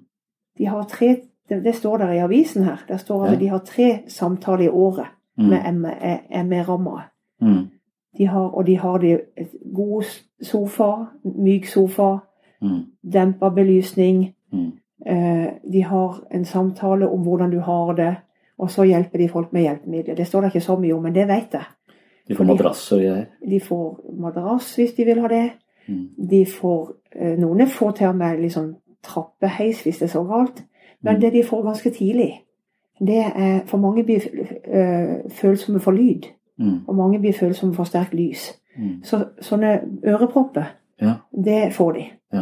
Og så kan du si at kunne ikke bare gått på apoteket og kjøpt sånne øre. De har jo sånne gule sånne ser som ørevoks som du kan få. Eller sånn som sånn motstøysgreier, sånn at det Ja, blir helt stille. Ja da, men Ja. Det, sannsynligvis. Og nå er det, jeg sier jeg noe som muligens er um, utenfor, eller inn, altså sånn. Men det er sannsynligvis noe med eh, kommersielt oppi dette òg. For de, Ja. de selger ørepropper Eller de kan få tilpassa noen ørepropper Mm. via Så igjen så er det eh, økonomiske krefter som, Jeg- jeg eh, som spiller inn for Jeg vet ikke, men det er iallfall et eller annet øreproppfirma ja. som selger sånne ørepropper 2000 Kjenner kroner. eh, godt på at folk har denne. Og det merkverdige er at det er så mange flere som har det i Norge enn i eh, nabolandene men våre. det vet jeg ikke om de øreproppene. Jeg vet ikke så mye, men jeg lurer på. Ja. Fordi at det, det fungerer jo ganske godt for lyd med disse her Mm. Men disse her spesialsydde Ja. Du kan få tilpassa disse ørepropper. Det er jo en sånn teknografisk greie, da. Ja. Som får det til å føles som et slags teknisk hjelpemiddel. Ja. Eh, Det kan du få. Eh, Via hjelpemiddelsentralen. Og det får du som et ikke sant? Du Mm. setter seg med søknadsskjema. Du får en følelse av at du får en seriøs hjelp, da. ja. Og at det er noe du bør bruke. Tenker, men når du sier at fornuften, ikke fornuften jeg- jeg tenker kanskje at det, fornuften faktisk kan være til stede også, men måten du bruker den på altså Hvordan du tolker din egen frykt er jo helt avgjørende her. Og Ja, for- for hvordan det- du forstår din egen frykt. Ja, for det, det er det jeg egentlig snakker om. Jeg hører, Ja. jeg hører at det høres veldig arrogant ut å si fornuft. Men, Ja, men, men Det kan jo liksom- være fornuftig, fordi Ja. kroppen ja. sier at dette er galt. Legg deg ned. Altså, og da er du ganske fornuftig, på en måte. Ja. Og så er det jo det som er helt karakteristisk når en er veldig redd. Ja. Det er jo liksom at du får beskjed fra kroppen din om at nå må, du, må du flykte. Ja, ja, Nå må du passe deg. Mm. Det, er jo det, mye, det er jo det systemet jeg jobber mest med, Sondre. Jeg jobber med Men jeg tror også jeg jobber mest med det Ja, men jeg jobber mye med det. Mm. Det, det, det som er spesialdesigna Mm. for å gjøre for å få oss til å flykte. Ja. For å til å komme oss bort fra ubehag. Mm. Det er de spesialdesigna Mm. for at vi skal overleve. Mm. Og det skal vi være veldig glad for. Ja. For ellers hadde jeg blitt overkjørt i første kryss. Ja, eller jeg hadde ja. gått rett utfor prekestolen, eller jeg hadde Mm. gått Ikke sant? Jeg er utstyrt med et fryktsystem som sier 'pass deg, Gunvor'. Mm. Pass deg. Som gjør at jeg reagerer umiddelbart når jeg holder på å Ja. tråkke på en hoggorm i sommer. Med bare beinet mitt. Ikke sant? Ja. Så er det flott at det liksom ikke er sånn OK, var det noe? Øh. Trekker beinet til meg, og så står jeg der og så ser jeg, OK, det var en hoggorm. Han hadde faktisk sikksakk. Mm. Og svær var han òg. Mm. Men han, når jeg får tenkt meg litt om Jeg har jo tar jo bruk korteksen min, da. Ja. Så kan jeg liksom resonnere litt da, og se at ja, han var svær, og han kan godt være han hadde tatt meg hvis jeg hadde satt Mm. beinet ned på han. Men han, jeg ser jo at han er jo faktisk reddere enn meg. Mm. Han er allerede på vei bort der. Mm. Og så kan jeg gå videre, da. Ja. Hvis jeg da hadde hatt en litt sånn, virkelig en angsthjerne, Mm. en sånn hjerne Eller hvis jeg virkelig hadde begynt å tenke sånn Ja, men jeg går ikke der. Ja. Der skal jeg ikke gå mer, for den der uh, Hoggormjævelen ligger sikkert i busken der. Ja. Uh, så jeg går, begynner å gå rundt. Ja, skjønner. Uh, og så hadde jeg begynt å tenke sånn Jeg tror egentlig ikke at jeg gidder å gå noe mer i skau. Ja. Ikke sant? Og iallfall ikke på barbeina. Nei. Så da hadde jeg begynt å bruke svære støvler når jeg skulle ut. Jeg hadde begynt å gå bare på vei. Da hadde jeg snart fått det vi kaller for en fobi. Jeg hadde dyrka fram. Jeg hadde drivet på en måte Mm. oppført meg som det var hoggorm overalt. Mm. Og hva har dette med ME å gjøre? Analogen er jo det at de er jo ikke redd for hoggormer, men de er redd for slitenhet. De, har des, altså de, har et, de får et fobisk forhold. Så noen er. Jeg sier ikke at alle oppi der, Nei. i denne utmattelsesdunken, har, har dette. Men noen av de Ja. som jeg har treffet, har et fobisk, får et fobisk forhold til følelsen Ja. trøtthet. ja. Men Eh, og og hvis, du, hvis du har det, mm. hvordan blir du da få, i forhold til å monitorere Mm. trøtthet? Hvordan blir du da? Hvis jeg hadde spurt deg akkurat nå, liksom Sondre Nå er klokka liksom kvart på to på en fredag. Du har en lang Ja. uke i kroppen. Hvor, fra 0 til 100, hvor sliten er du akkurat nå? Hvor, hvor, hvor liksom sånn og- Jeg venter på at du aldri kjenner etter eh, i kroppen, så jeg, jeg Ja. vet ikke. Men, men hvor sliten hvis du, nå skal vi, du og meg gi oss, gi oss fem, ti sekunder til å kjenne liksom, hvor slitne er vi nå. Fra 0 til 100. Ever catch yourself eating the same flavorless dinner three days in a row? Dreaming of something better? Well, HelloFresh is your guilt free dream come true, baby. It's me, Gigi Palmer. Let's wake up those taste buds with hot, juicy pecan crusted chicken or garlic butter shrimp scampi. Mm. Hello Fresh. Stop dreaming of all the delicious possibilities and dig in at HelloFresh.com. Let's get this dinner party started. Cool fact a crocodile can't stick out its tongue. Also, you can get health insurance for a month or just under a year in some states. United Healthcare short term insurance plans, underwritten by Golden Rule Insurance Company, offer flexible, budget friendly coverage for you. Learn more at uh1.com.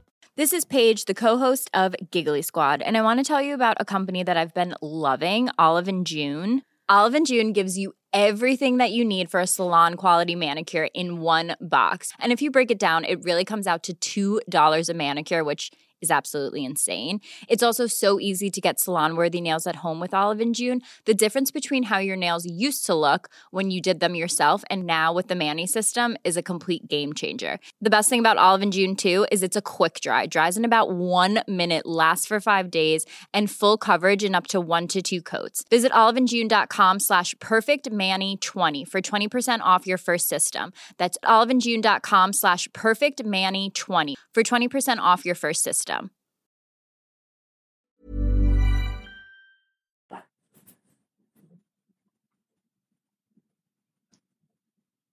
Jeg, jeg vet at jeg, jeg, er, eh, jeg er mer sliten etter helgen enn før helgen, jeg. Så, så Ja. jeg er meg på mitt eh, beste akkurat nå. Ikke sant? Så Ja. eh, Jeg har tre barn. Jeg er kjempe... Men, men vi, jeg tenker liksom Hvis du hadde spurt meg hvor sliten er du, Gunvor, Ja. Så hadde jeg sagt at jeg syns det er et, veldig vanskelig spørsmål. Mm. For jeg er liksom sånn innom 20% Jeg har hatt ei artig gruppe i dag. Vi har hatt det Mm. veldig gøy. Mm. Det var Fire pasienter som gikk ut og hadde fått noen nye liv. Mm. Men så tenker jeg liksom på alt jeg skal gjøre i helga. Ja. Skal jeg gjøre, jeg har gjøre noe litt kjedelig arbeid jeg må gjøre. Ja.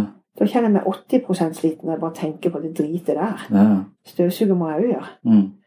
Eh, Men så kan jeg gå tilbake igjen til 50 når jeg tenker på at eh, Men søndag ettermiddag, da, da skal jeg gjøre noe gøy. Mm.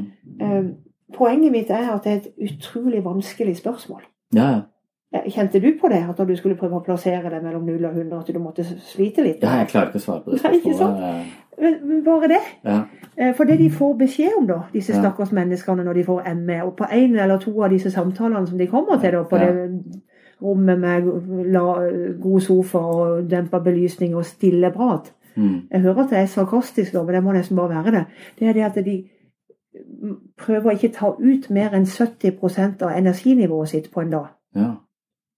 Og så syns du det høres ut når du i tillegg er engstelig for å ta ut 75? Nei, jeg tror jo ikke at jeg fungerer som et batteri. da. Jeg tror jo at, at jeg får energi ved å bruke energi, på en måte. Ja, men, men bare, ja, det gjør jeg òg, men jeg tenker bare hvordan Hvis du er engstelig ja, ja. Og så får du dette, denne beskjeden om at du skal passe på. Du blir liksom sånn en, Du blir på en måte en slags Securitas-vakt over din eget, ditt eget energinivå. Ja, skjønner. Kan du, liksom, og, og du har hørt og, Ja. og du har lest at en lege her ja. Hvis hun presser seg for langt, Mm. så ble hun liggende, så fikk hun det de kaller for et krasj, og så ble hun liggende i månedsvis. Ja. Hvordan hadde det vært å, å, å fått en sånn du, Men jeg tror ikke du jeg tror, Siden ikke verken du eller meg er engstelig for å være trøtt, så skjønner vi ikke hvor fælt det er. Vi Mm. Nei. skjønner ikke hvordan det er å få en sånn, et sånt råd.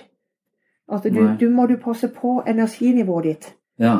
Og så må du passe på at ikke du blir mer sliten enn 70 Mm. For hvis du går over det og blir 80% sliten, Mm. så kommer du til å kunne få en krasj. Så du blir liggende Mm. elendig i senga di i flere måneder. Ja. Hvis du sier det til en som er russ, og egentlig har lyst til å reise til Kongeparken, som faktisk er litt bedre nå, ja. hvordan fungerer det? Jeg føler at det, å gi folk den typen beskjed krever et veldig De krever at de er veldig psykologisk minded hvis de skal kunne håndtere den. Eller du, det må det være livet ditt for øvrig. altså hvis du skal kunne vurdere, For det fins sikkert eh, tilstander hvor du kanskje må passe på et eller annet i en periode. eh, og være litt mer forsiktig. Men så finnes det også ekstremt mye frykt som bare gjør at du unnviker utfordringer som du burde ha tatt. Ja, men- men og det Vi, vi, vi som jobber med angst, vi er opptatt av begrepet som, som sensibilisering, f.eks. Ja. Altså, øh, når du er redd Ja. for f.eks. hjertebank, som Mm. panikkpasientene, Ja. de er redd for hjertebank. Mm. Eller de som har tvangslidelse, de kan være veldig øh, redde for sitt skitt og bakterier. Liksom hvis de har tatt på noe, så får de veldig behov for å vaske seg. Ja. Og jo mer de vasker seg, jo mer de unnviker, Ja. jo mer sensible blir de. Jeg skjønner. Ikke sant? De blir mer Ja. sånn 'Å, den var ekkel', og 'æsj', og Mm. de kan ikke ta på den. Så det går ofte den veien, da. Ja. At du blir mer og mer Men, sensibel. så det du sier er at eh, den beskjeden de får, den øh, eh, snakker angstens sak, på en måte. Den, den, den Så, gjør så den, den, den gir deg en god begrunnelse for å følge det angsten forteller deg, at du bør øh, ja, altså, ro deg ned. Ja da, altså, bare, jeg sier ikke bare det, men jeg sier at det gjør òg at du, med, du blir sensibilisert i forhold til slitenhet. Ja, Så når du må, og spesielt når du blir oppfordret til å overvåke din egen slitenhet, ja, ja. så blir du Du kjenner jo på en måte ja, så mye etter. ja, Du kjenner det etter i et bekymra perspektiv. ja, Fordi at du, du har fått beskjed om at det, det er viktig at du kjenner nøye etter. ja, Det er viktig at du monitorerer. ja. Og når du gjør det i en, på en, i en slitenhet en størrelse, det er en, kvalitet, altså, en kvalitet Mm, som er utrolig lite objektiv. mm. Det er en veldig subjektiv greie. ja absolutt. Sånn at du, det er veldig viktig at ikke du kommer over 80 kilo. Mm. Ville det være operasjonaliserbart? Ja. Ja, for det er BMI du kan ja, da kan du gå på vekta og si ja, 78. Nå Mm. bør jeg ikke bli mer enn Ikke sant? Ja. Det er veldig viktig at ikke du liksom blir mer enn 102 skjønner, ja. cm rundt magen, for da øker Eller det er 80 er det kanskje. Jeg tar litt Slik at det er et diffust mål. Ja, så, Ja. det, det er et veldig subjektivt mål. Mm. Og, og, og her opereres det med som det skulle være et objektivt mål. Ja, Det er kanskje det vanskeligste. ja, Sånn at, Og når du er redd, så blir det jo Objektiviteten blir jo fullstendig altså, sånn, Du går helt i surr. Er det farlig, eller er det ikke farlig? Er jeg sliten, eller er jeg ikke sliten? Men du blir så trener, da. Du trener dette feedback-systemet ditt i forhold til slitenhet, sånn at du, du føler deg jo ja. ofte mye mer sliten. Jeg skjønner. Og så blir du redd.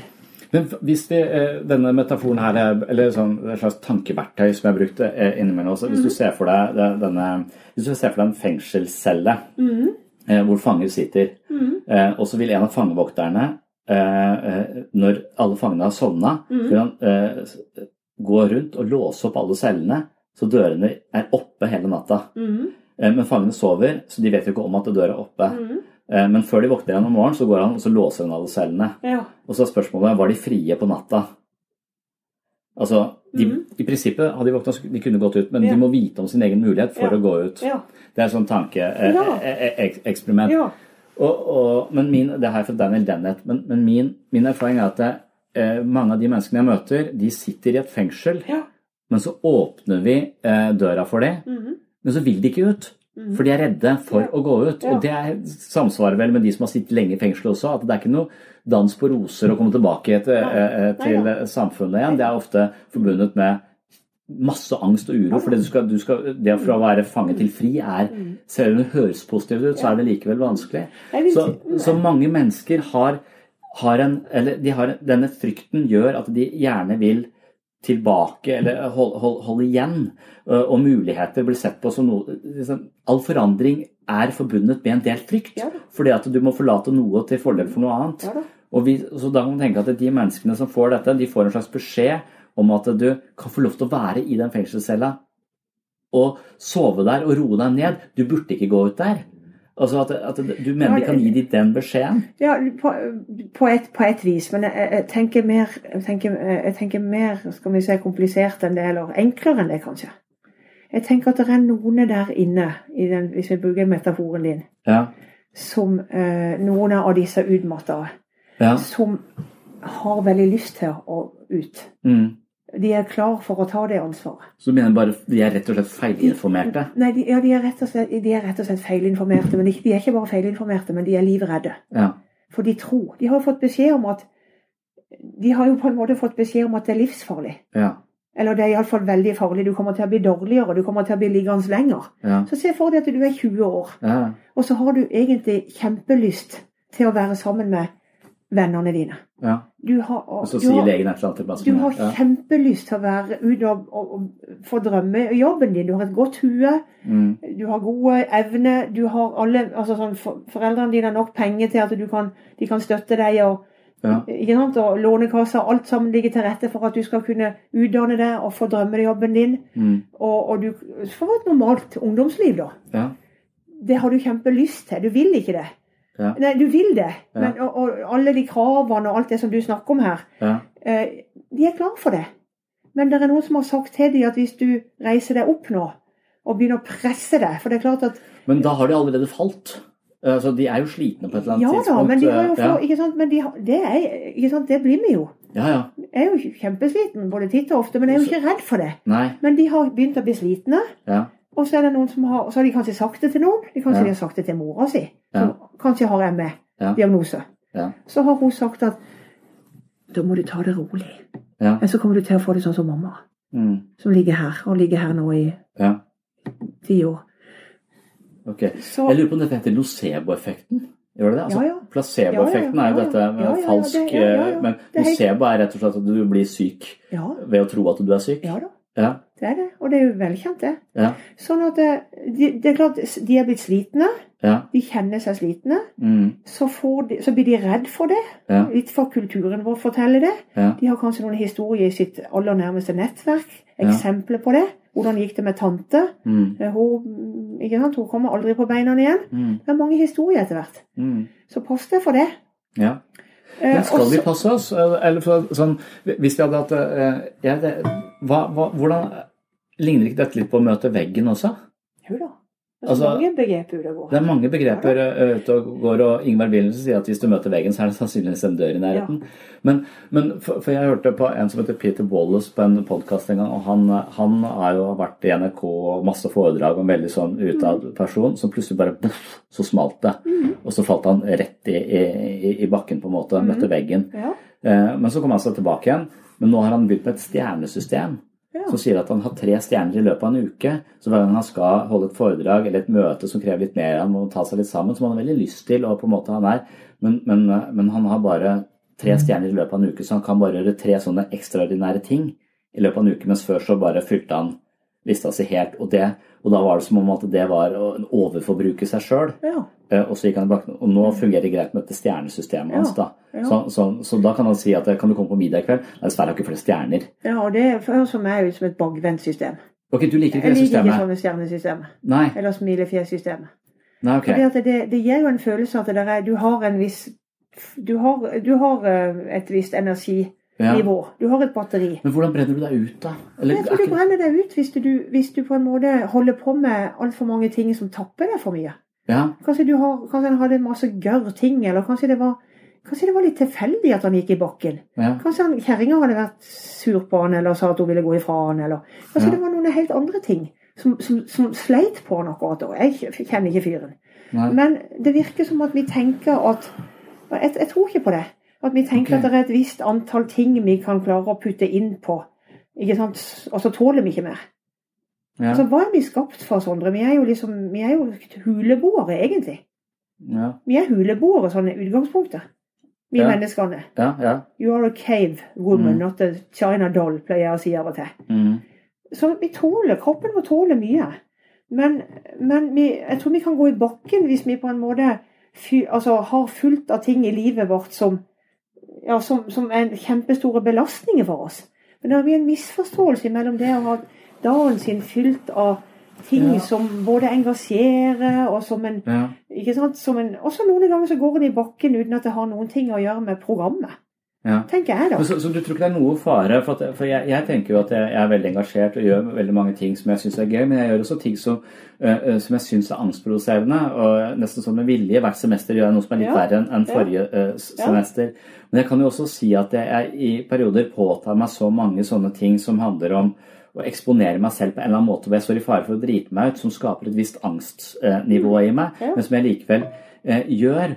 Og i perioder når jeg må fly mye, reise mye, gjøre mange sånne Mm. ting, så, så er det på et eller annet tidspunkt jeg kan sitte på en flyplass og tenke at eh, nå, eh, nå vet jeg at jeg må hjem, drikke øl, brette tøy og se på Lars Monsen. Og jeg må ha det rommet snart, for hvis Ja, ja. ikke så blir jeg, eh, blir jeg eh, eh, eh, altså, men det tar Hvis ikke så blir jeg Jeg vet ikke om jeg er redd for å miste um, Miste gløden, på en måte. Eller Ja, ja. at jeg, at jeg, at jeg har et distinkt behov for en pause. Men jeg vet åssen jeg tar pauser. Ja. Så jeg tenker, mange av de menneskene jeg møter, jeg tror ikke de helt vet hvordan de hen, slapper av eller tar hensyn om de vet hva slags sko som er gode å gå i for dem. Nei, men det tror du har helt rett i. sånn at dette, Ja. her, dette her tar hensyn til å ta vare på deg sjøl. Ja, Når det kommer, ja, så er det så individuelt. ja. Men mange helsearbeidere serverer jo det som om det betyr at du må ikke ha så mye på programmet. ja nettopp. Sånn at Jeg treffer jo en del folk som de, når de har time hos fysioterapeuten klokka ti om morgenen, Mm. og jeg lurer på om de kan komme til meg klokka to. Ja.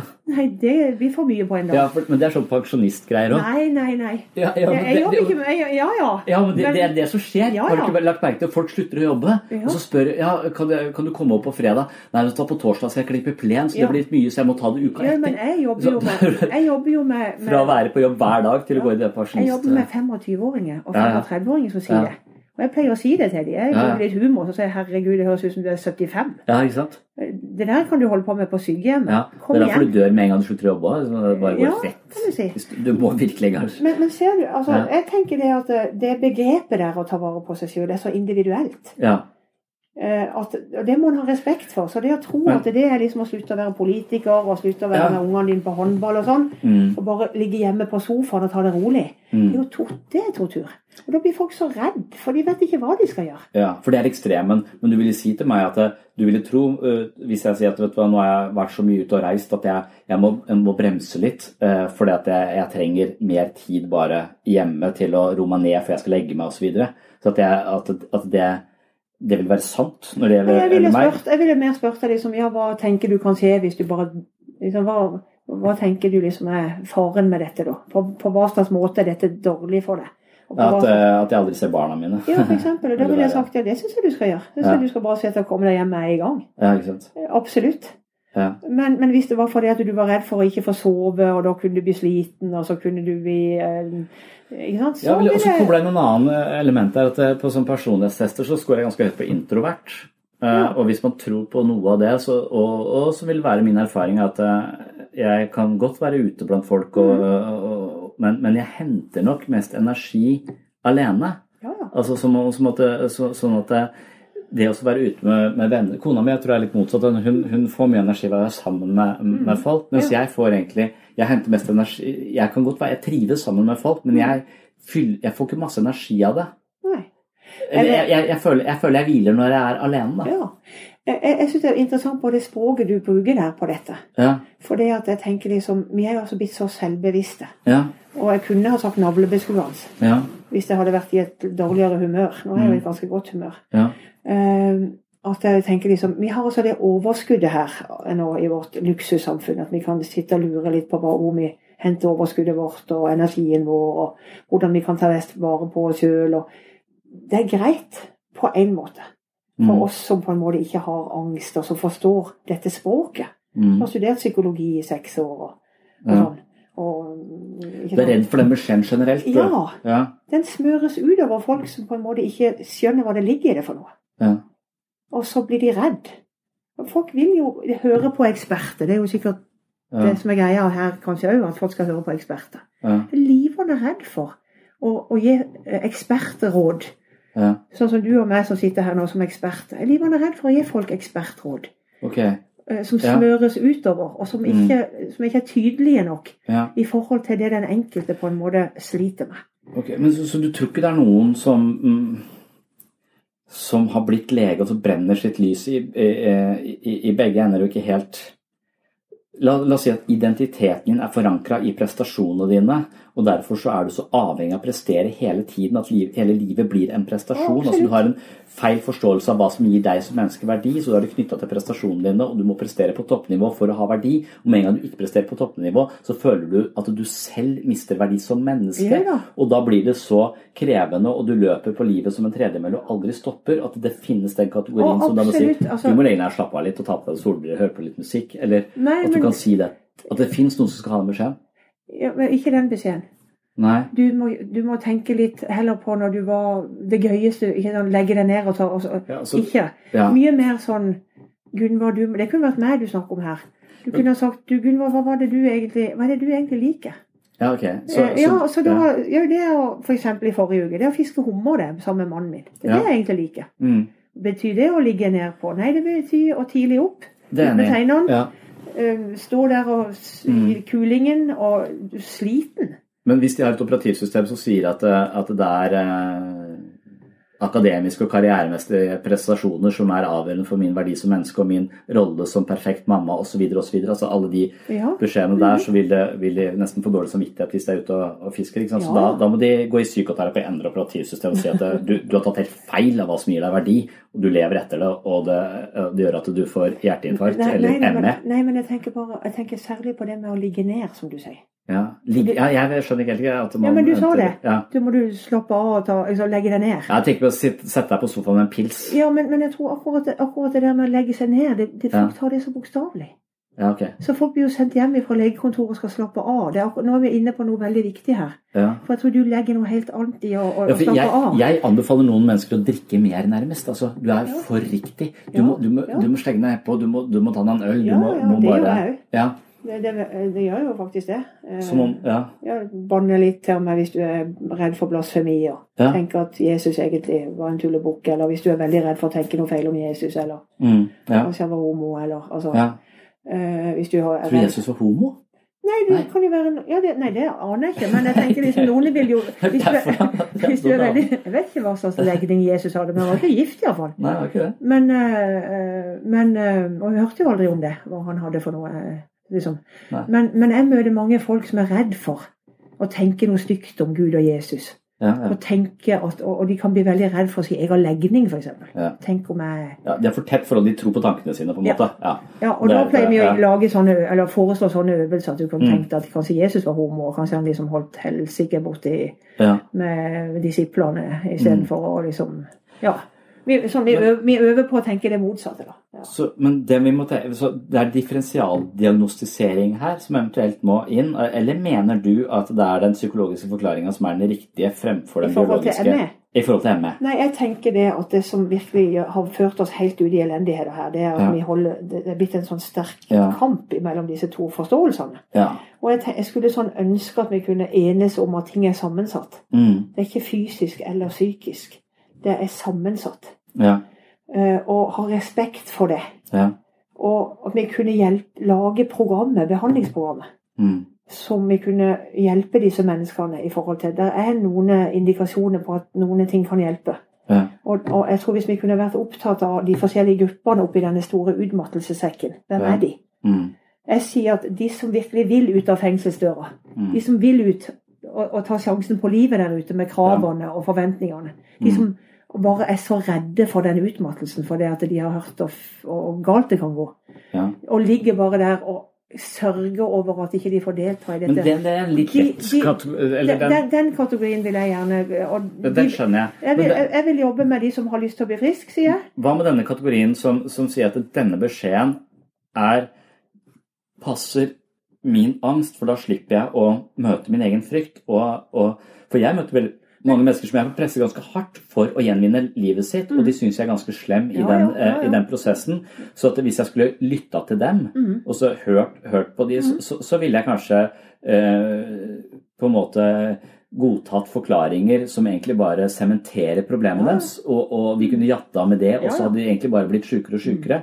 Mens jeg må da anta at jeg vet noe bedre og si at vet du hva, for å få det bedre, så kommer du til å få det ganske mye verre, for du må møte en del ja. spøkelser på denne veien her som du kommer til å bli dritredd for. Hvis du da går tilbake i gamle mønstre eller løper inn i fengselet igjen, så, eh, så, så stagnerer livet ditt, på en Ja, måte. men jeg tror vi, vi, vi, snakker på, vi snakker på to forskjellige, minst to forskjellige nivåer og språk her, Ja. kjenner jeg. Ja. For det at eh, um, de som ikke eh, Altså sånn De som ikke virkelig ikke tør, Ja. rent fysisk, Ja. å reise seg opp Mm. De tør ikke å bevege seg, Sondre. Ja, ja. De tør ikke ja, å det, ja, de jeg kjenner ikke de Nei, jeg har sett noen av de. Du, hvis du hadde sett en ungdom som ligger der og, og ikke tør å ta av seg øreproppene fordi da kan de høre at det, Ja, ja, det er helt forferdelig. ja, det. De tør ikke å reise seg opp og gå noen steg engang. Mm. Fordi at de er så redde.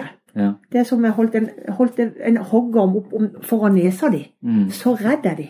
Ja. Så, så misforst, Sånn har kroppen og det angstsystemet misforstått Ja. dette.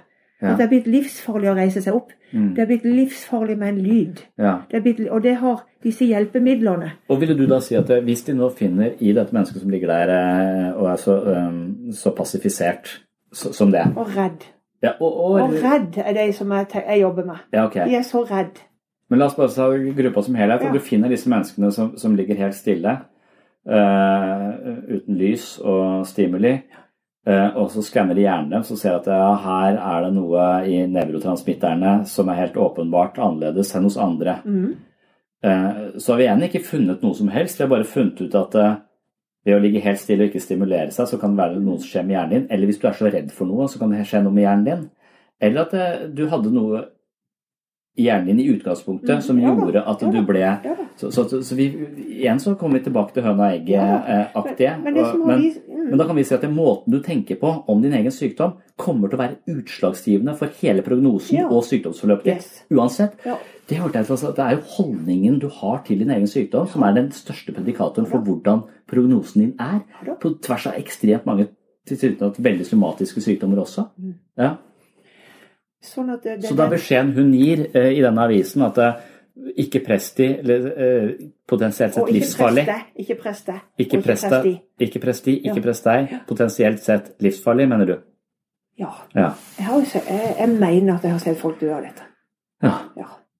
Og jeg har sett ungdoms, ungdom Det er ungdom som gjør mest inntrykk på meg. jeg skjønner. For det kunne vært min Ja, ungdom. ja, ja. Eh, og det må være forferdelig. ja, Og, og jeg kan se ungdom som får altså, livene sine ødelagt. ja. For tenk hvor viktig disse årene er. Men hvis du skal sette deg inn i hennes perspektiv Ja. nå, som kjemper litt for denne somatiske eh, mm, forklaringen, Ja. eh, hvordan ville hun møtt dette argumentet nå? Hvordan, hva, hva ville hun sagt til oss når hun sitter og snakker om det på den måten? Jeg vet ikke. Jeg var spent når jeg hadde skrevet det der i avisen, mitt tilsvar, eller min Ja. kronikk, da. Ja, Og var jeg veldig spent på om det skulle bli noe krig, for det blir ofte krig her. ja, Kan det være at dette blir nesten litt livsfarlig, Sondre? ja. De er så sinte i denne ME-foreninga. ja men de er er så utmatta, så de får vel ikke Å, det, de er ikke det. Nei. Det er gjort studier på at de er de mest aktive på nettet, f.eks. Okay. Så de er ikke så utmatta. En del av de. Ja. Noen, de som jeg snakker om som ligger der, de tør Mm. ikke å se på dataene sine engang. Nei. Ikke sant? Så, men noen av de har Mm. veldig god kapasitet til Ja. å være sinte og protestere. Mens de som jeg snakker om, de jeg har lyst til å hjelpe, Mm. Eh, og som jeg, treff, jeg har truffet en seks-syv-åtte stykker, Mm. det er de som har kjempestor angst. Panikkangst, tvangslidelse, Mm. generalisert angst og utmattelse. Mm. utmattelsen er en del av et kompleks. Det er blitt et symptom Mm. som de er veldig, veldig redd for. De Men- går det an å hjelpe. Som, som psykolog så er jeg altså litt sånn eh, Jeg er på en måte litt redd for medisinpsykiatri, eller hva man skal si. Altså at det, de perspektivene Og jeg syns diagnoser som ADHD, ME, bipolar lidelse Alle de diagnosene som lukter mest biologi, eller som man hele tiden skal tilstrebe å forklare mest mulig biologisk, så har jo psykologen minst mulig innflytelse. For, at det, for at det er ikke psykologisk, på en måte. Det er legen eh, som skal justere nevrokjemi eller, Ja, ja, ja. eller andre ting. Uh, Og at, og at den typen forklaringsmodeller er eh, Hvis jeg selv hadde vært syk, så hadde det jo vært veldig godt å vite at jeg ikke måtte endre livsstilen min og måten å tenke på, men snarere måtte bare ta en tablett. Så det er noe lettere med det somatiske perspektivet, fordi det fritar oss fra en del psykologisk ansvar på en måte. Og dermed så kan det være også en populær sekk å putte ting i. Eh, og det er incitamenter, både økonomiske, men også sånn livspolitiske for vår egen skyld. Å tenke på den måten, Mm. fordi, men samtidig så kan det være den verste blindveien du går inn i. Absolutt. Og det utelukker jo ikke at det finnes helt klart somatiske markører som kan være medvirkende, men igjen, måten, holdningen din til din egen somatikk Mm. vil også være ekstremt utslagsgivende på hvor du havner om to år. Ikke bare holdninger, men på en måte liksom angstnivået ditt i forhold til den helt konkrete. din forståelse av din egen frykt og hvordan du skal håndtere den. Ja, Ja, rett og slett. ja. Um, så, og det jeg kanskje er enda mer opptatt av, det er eh, at folk vil unngå denne psykiatriske vinklinga. Mest av alt pga. stigma. da. ja. Ikke sant? De, de, de sa det var bare psykisk. Ja. Eller liksom, liksom psykisk du, jeg har ikke noe problem med min syke. Nei. At stigmaet som hører med til psykiske lidelser, på en måte er Ja. mye av det som gjør at, at Mm. folk ikke vil ha det. ja. Og det jeg synes jeg er ganske vondt. Jeg jobber jo med mange altså jeg jobber jo med angstpasienter. Mm. Og jeg jobber hardt med å prøve å avstigmatisere det å ha psykiske problemer. Mm. Det er viktig, syns jeg. At ikke Ja. det skal være så skambelagt og forferdelig. ja, ja. Og da syns jeg på en måte det å Jeg tror ikke på psykiske problemer. Nei, nei men altså sånn, ja, ok. Der er vi forskjellige. Ja. Eh, Det vet jeg. jeg, jeg ja.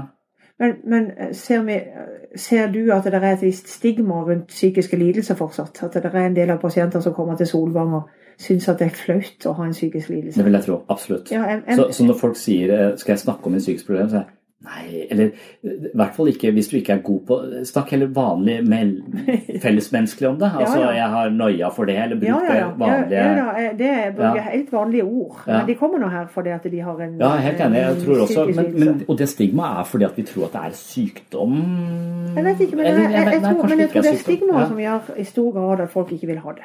Ja, ja. Og jeg, jeg tror at jeg sitter med ganske gode verktøy Mm. for å hjelpe en del av disse pasientene.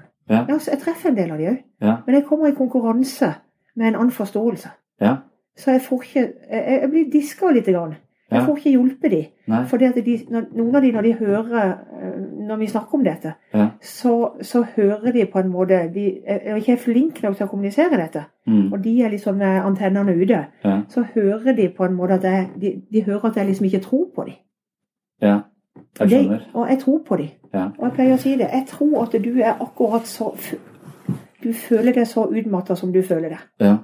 Jeg tror at det er helt forferdelig å ha det sånn som du har det. Men jeg tror Men det er, det er hvorfor Ja. eh, vi kan være uenige om. Jeg kan nesten si at min jobb er å ikke tro på folk. Altså, uh, Men, men jeg føler at min jobb i forhold til dette, det er å tro på folk. At de har det akkurat så fælt som de har det. Men så er det det vi må være sammen interessert i, pleier jeg Ja. å si. Hvis jeg skal Ja. hjelpe deg. Det er hvordan, uansett hvordan vi ser på årsaker her, ja, ja, kan vi legge til side årsaksforståelse, ja, ja, pleier jeg å si. ja, Kan vi legge det bort? Nå er du her, nå ligger du her. Du har det helt elendig. ja, Du ønsker å bli frisk, du ønsker å komme ut. ja, Skal du og meg se på, uavhengig av årsak, på hvordan vi kan snu dette? ja. Og, og, hvis, og, og hvis pasienten da sier ja, Mm, det kan vi gjøre, mm, så har vi en sak sammen. ja. Og da begynner vi å jobbe mot det å normalisere livet. Ja, For mitt utgangspunkt vil jeg lov si at jeg ser min jobb som å se For, for jeg jobber kanskje med folk med lav selvfølelse, Ja. lite tro på seg selv osv. Mm, det gjør jeg òg, men de har angst på toppen. Ja, så, så at jeg må, må måte Min jobb er å se et potensial som de selv ikke tør å, å være i nærheten Ja. å tro på. Ja, ja. Og, og dermed så føler de seg misforstått av meg. Ja, ja. Og- fordi at du tror mer på dem enn de gjør selv? jeg føler jeg tror mer på det enn de gjør selv. Altså det at, er ja, veldig vanlig. ja, og, og, at jeg da blir sett på som arrogant og Ja, du, Tror du det er så lett, liksom? ja, Og det sier de ofte til meg òg. Det er ikke så lett. ja, det sier de til meg. nei, nei, jeg tror ikke det er lett i det hele tatt, men jeg har veldig lyst til at vi skal prøve. Ja, Jeg, jeg vil være coachen din, jeg vil løpe Mm. på sida av deg. Jeg er Mm. dritdårlig på snowboard. Det er jo Mm. ingen som har noe problem med å tro. nei, Men hvis jeg skulle blitt god, mm, hvis jeg skulle blitt dritgod, mm, hva tror du da jeg hadde trengt? Ja, kanskje en personlig trener? Yes. Da tror jeg kunne Dritgod kunne jeg kanskje ikke blitt, men jeg kunne blitt ganske god. Mm. Du skal hoppe høyt og sånn, vet du. Men det er ikke så dårlig som jeg ser ut til Jeg hoppe høyt. Så eh, Jeg føler at jeg blir så sprø etter jeg er eldre, så jeg tåler ikke landingen. Nei, men jeg tenker at jeg kan bli ganske god hvis jeg har noen, som, noen er ordentlig gode noen til å Mm. vise meg. Ja.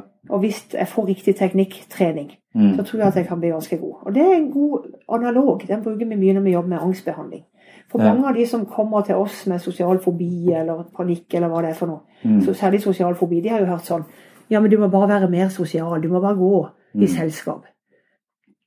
Og, og, og, ja, men det har jeg jo gjort, og det har ikke hjulpet.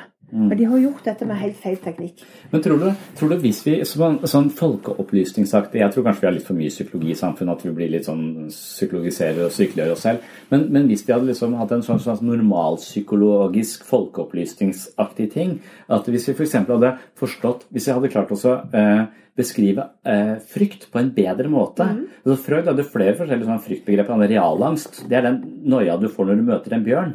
Og Den er lur, akkurat som den du er i trafikken. Ja. Men så er det sånn, sånn eh, samvittighetsangst, og du har sånne ulike typer Ja. eh, angst. Så hvis vi kunne hatt et eh, liksom bredere perspektiv på hva frykt er, sånn at mennesker kunne Er dette den frykten som jeg skal møte? For hvis jeg prøver å unngå den, så ødelegger jeg hele livet mitt. Eh, eller så, er er, på flukt Det er fra, den- det er ja, er på flukt fra seg selv. Eller er dette denne typen frykt som, som lurer meg til å gå den veien, mens jeg fortsatt nå skal gå den veien? Mm. Hvis folk hadde klart å identifisere og nyansere sin forståelse for frykt, og, kjenne, og vite at frykt er en del av livet. Ja. Det ledsager all forandring jeg gjør i mitt liv. Mm. Og hvis jeg virkelig gjør store fremskritt i livet mitt, så vil det være forbundet med en god del følelse av kanskje frykt for mange, og utfordring. Noen vil kjenne det på forskjellige måter, men noen vil kjenne det som helt feil vei å gå, mens det likevel er riktig. Ja. Så vi blir lurt av vårt eget eh, Og vi blir lurt av media, vi blir lurt av alle disse tingene, og vi kan potensielt også bli lurt av fagfolk som sier at ting er farlig når det ikke er farlig. Virkelig. Ja. Så det, det tror jeg på. Akkurat det du sier der, å nyansere. Så hvis, vi hadde fått et, hvis noen hadde vært veldig gode pedagogisk og laget, gitt oss et sånn godt språk for, for fryktmekanismene våre, og evnen til å forstå de, så kunne vi eh, brukt frykt på en helt annen måte, mer konstruktiv måte. Ja, jeg syns det programmet vi driver nå, i, for denne intensive behandlinga for forskjellige angstlidelser, Mm, der er det en veldig stor del av det programmet mm, er et, akkurat et sånt språk. ja. Det, vi snakker om Vi bruker forskjellige metaforer Ja. på, på frykt, og, eller på Ja. angsten, da. Mm. For det er ikke frykt vi jobber med, vi jobber med angst. Ja. Overdreven, overdreven frykt. Hva sier du er ja, overdreven frykt? Ja, men Ja. vi, vi, vi Mm. eksempel bruker et sånt språk som at eh, eh, ang, altså angsten din, eller eh, tang, angsttankene dine, Mm, de fungerer som en skabbete villkatt. Som, som sier til deg liksom Pass deg. Eh, si, si, si tankene. Men katten sier sånn mjau, jeg vil ha mat. Ikke sant? Katten Ja. Si, så, Ja. eh, står på trappa di og vil ha mat. Villkatten som noen har glemt. ikke sant? ja. Uh, vi bruker analogen, liksom, eller bildet, at det er, det er frykten, frykttankene dine. Og hvis du gir den katten mat, hvis du gir den melk i skåla, eller litt mat i, Mm. i to dager, Mm. hvordan går det med den katten? Kommer han tilbake, eller går han videre til neste Jeg skjønner. Han kommer tilbake. Ja. Eh, og hvis du fortsetter å fôre han Ja, for jeg tenkte på en katt i Pinocchio, ja, som driver- lurer Pinocchio til å gjøre de feil tinga. ja. Ja. Så hvis du fôrer den katten, altså hvis du gir angsten din Mm. mat, hvis du fôrer angsten din, hvis du fòrer fôrer katten din, Mm. så kommer han til, villkatten, så kommer han tilbake, og han kommer tilbake, og han kommer tilbake. Mm. Og hvis du fôrer han mye, så blir han altså svær. Mm. Og hvis han får mulighet, så smetter han inn døra. Ja. Han legger seg i sofaen din, han spiser alt du gir han. Ja. Han kan bli feit og svær. Ja. Og de som kommer til oss, de har noen skikkelig feite, svære ja. angst... Katter. de kommer Ja. med. Den, har tatt liksom, den bare har tatt hele stua. Mm. Ødelagt som- familielivet. ja. Så kan du jo du kunne ha spurt meg ja, hva er det de fôrer denne katten sin med, da? Ja. Hva slags oppmerksomhet er det de gir denne katten? Ja. Jo, de gir katten unngåelse. De kan ikke gå der, og de kan ikke gå der, og de tør ikke gå der, og de kan Mm. ikke reise seg opp, og de kan ikke Nei. De, de fôrer katten med unngåelse, Ja. og så fôrer de den med sikkerhetsstrategier. Ja. Antibac og håndvask Ja. og sjekking og tror du det går bra og Mm. Ikke sant? Sånn at den der eh, For jeg syns du stiller litt dårlig i dette her, for at, du, for at du tilbyr noe som ikke er så veldig attraktivt. Ja. Eh, mens eh, så Vil du ha solbriller og madrass, eller vil du ha Gunvor Launes? Ja. Og så, sånn, Hvis du er litt redd i utgangspunktet, så blir du ikke noe mindre redd av å møte deg, kanskje. Nei, altså det- for du har vært For du har tålt deg en stund, da. Eh, så, så, men jeg skjønner at det er riktig vei å gå, men Ja. man, det handler da i utgangspunktet veldig om å få, i hvert fall eh, være veldig tydelig på hvordan disse mekanismene ja. fungerer, og hvordan det, den unngåelsen vil være. Men så ser det ut som at altså, tilbudet vårt blir jo mer og mer etterspurt. Mm. Så det ser ikke ut som at Gunvor-faktoren, eller frykt, altså som Nei, nei. heksa på Solvang, Ja. skremmer folk. For når vi treffer, når vi, jeg tror at som oftest når vi treffes, Ja. treffer pasienter som sliter med dette, Mm. så, um, så går det ganske bra. Mm. De føler seg forstått. Mm. Eh, og de får et språk, og de får eh, en forståelse. Det er det som går igjen. Ja, De det er det vi en- også tenker. Ja, eh, ja, Litt likt, De bare et en, språk. de får en, en ny forståelse av dette, som gjør at de tør å kaste seg på. Ja. Men når du som lege møter disse argumentene som hun har fra all forskningen som viser eh, eh, med virusinfeksjon eller, eh, eller eh, vaksine eller hva det skal Mm. være, alle disse mer eller mindre biologiske årsaksforklaringene som de prøver å fremsette og prøver å bevise, men. Som de foreløpig ikke har funnet noe fullgodt Nei, det, det er liksom ikke, det er ikke helt i mål der med forklaringene. Nei. Nei. Og, og, og, det er synd, da, for der ligger det rundt omkring noen en del pasienter og venter på at den somatiske, fysiologiske forskninga skal komme så langt at den finner medisinen eller noe. ja. Og og selv for- om Ja, ok, medisin ville vært interessant. Ja, Ja, om de kunne Vente på det, Ja. som gjør at de kan stå opp og gå ut. ja. Eh, Jeg tenker liksom at uansett eh, om de får medisin eller ikke, så vil system, fryktsystemet hos noen av disse være Mm. så trigga av den passiviteten, ja. den overvåkninga av trøtthet, at de vil i alle fall trenge noe Men da kan man se for seg et scenario hvor altså noen har blitt syke pga. nocebo-effekt. Ja. Altså tror de er syke Ja. og blir syke. Mens man kunne kanskje da helbreda de med placebo-effekt. Eh, ved å gi de en sitt. De fant medisinen, her er den, Ja, ja, vær så god. jo- Og så hadde du kanskje sett mange som hadde reist seg. Ja da, men den forskninga får de jo ikke lov til å gjøre. Det er jo noen som har hatt lyst til å gjøre den forskninga. De har gjort det på ADHD. eh, Jeg leste Ja, et studie det er hvor, hvor, eh, hvor de har medisinert to, to klasser hvor det er mange prosent hadde ADHD, og så ga de det ene Mhm. bare fake-tabletter og de andre vanntabletter, og, og forandringen var like god i begge gruppene. For det, og da tenkte de at det var mer den holdningen folk at nå er disse urolige elevene medisinert, Mhm. så nå skal de bli bedre. Og så holdningen til de gjorde at det rett og slett var psykososiale faktorer som endra dynamikken. dy- Nå er nok ME eh, eller utmattelse eh, faktisk enda lettere å forske på Ja, ja. enn ADHD, fordi Ja. at det er såpass uspesifikke symptomer. Ja, ja. Mens disse med utmattelse vil være lettere å få et sant, funksjonsnivå. Altså. Det vil være lettere å se om de ble, ble de bedre. ja. Eh, Det er jo absolutt store størrelser av forskere som har hatt planer om å gjøre sånne studier. Ja, for Det er kanskje ikke Det er etisk uforsvarlig. Altså, hvis, la oss si du har rett. La oss si at hvis de plutselig fikk en idé om at Mm. denne medisinen hjelper meg, jeg trenger ikke være redd mer, så kunne de reise seg opp. Mm. Og den medisinen var bare juks. Og, og la oss si at du hadde en gruppe på 1000 stykker, og 500 av de hadde reist seg eh, på den måten. Mm. Så hadde jo det vært eh, Gevinsten hadde vært ganske stor. Ja. Og så de andre kan si nei, dessverre, du, den medisinen funket ikke på deg, vi prøver, vi skal Mm. Ja. prøve å hjelpe deg videre. Det, hadde, Ja. det er ikke Men- etisk forsvarlig, kanskje. Det kan- eh, Kanskje det virkelig ville vært det. Men Ja, det. ME-foreninger Ja. vil, eh, vil aldri De vil ikke ha den forskninga. Og de, er, eh, de som driver med dette, Mm. kan være at dette her det vi snakker om her nå, hvis, det, hvis mange blir interessert i det vi snakker om nå, Mm. så kan det faktisk være at det blir litt farlig for oss. Det kan være at jeg må ha, flytte på en, flytte på en uh, hemmelig adresse. Men jeg tror ikke du har lest og fulgt med så mye i denne debatten. Nei, Du vet. Jeg skjønner ikke hvorfor det. Jeg, nei, jeg tror ikke det. Nei. Jeg tror ikke du vet hvor sinte folk er der ute. Nei.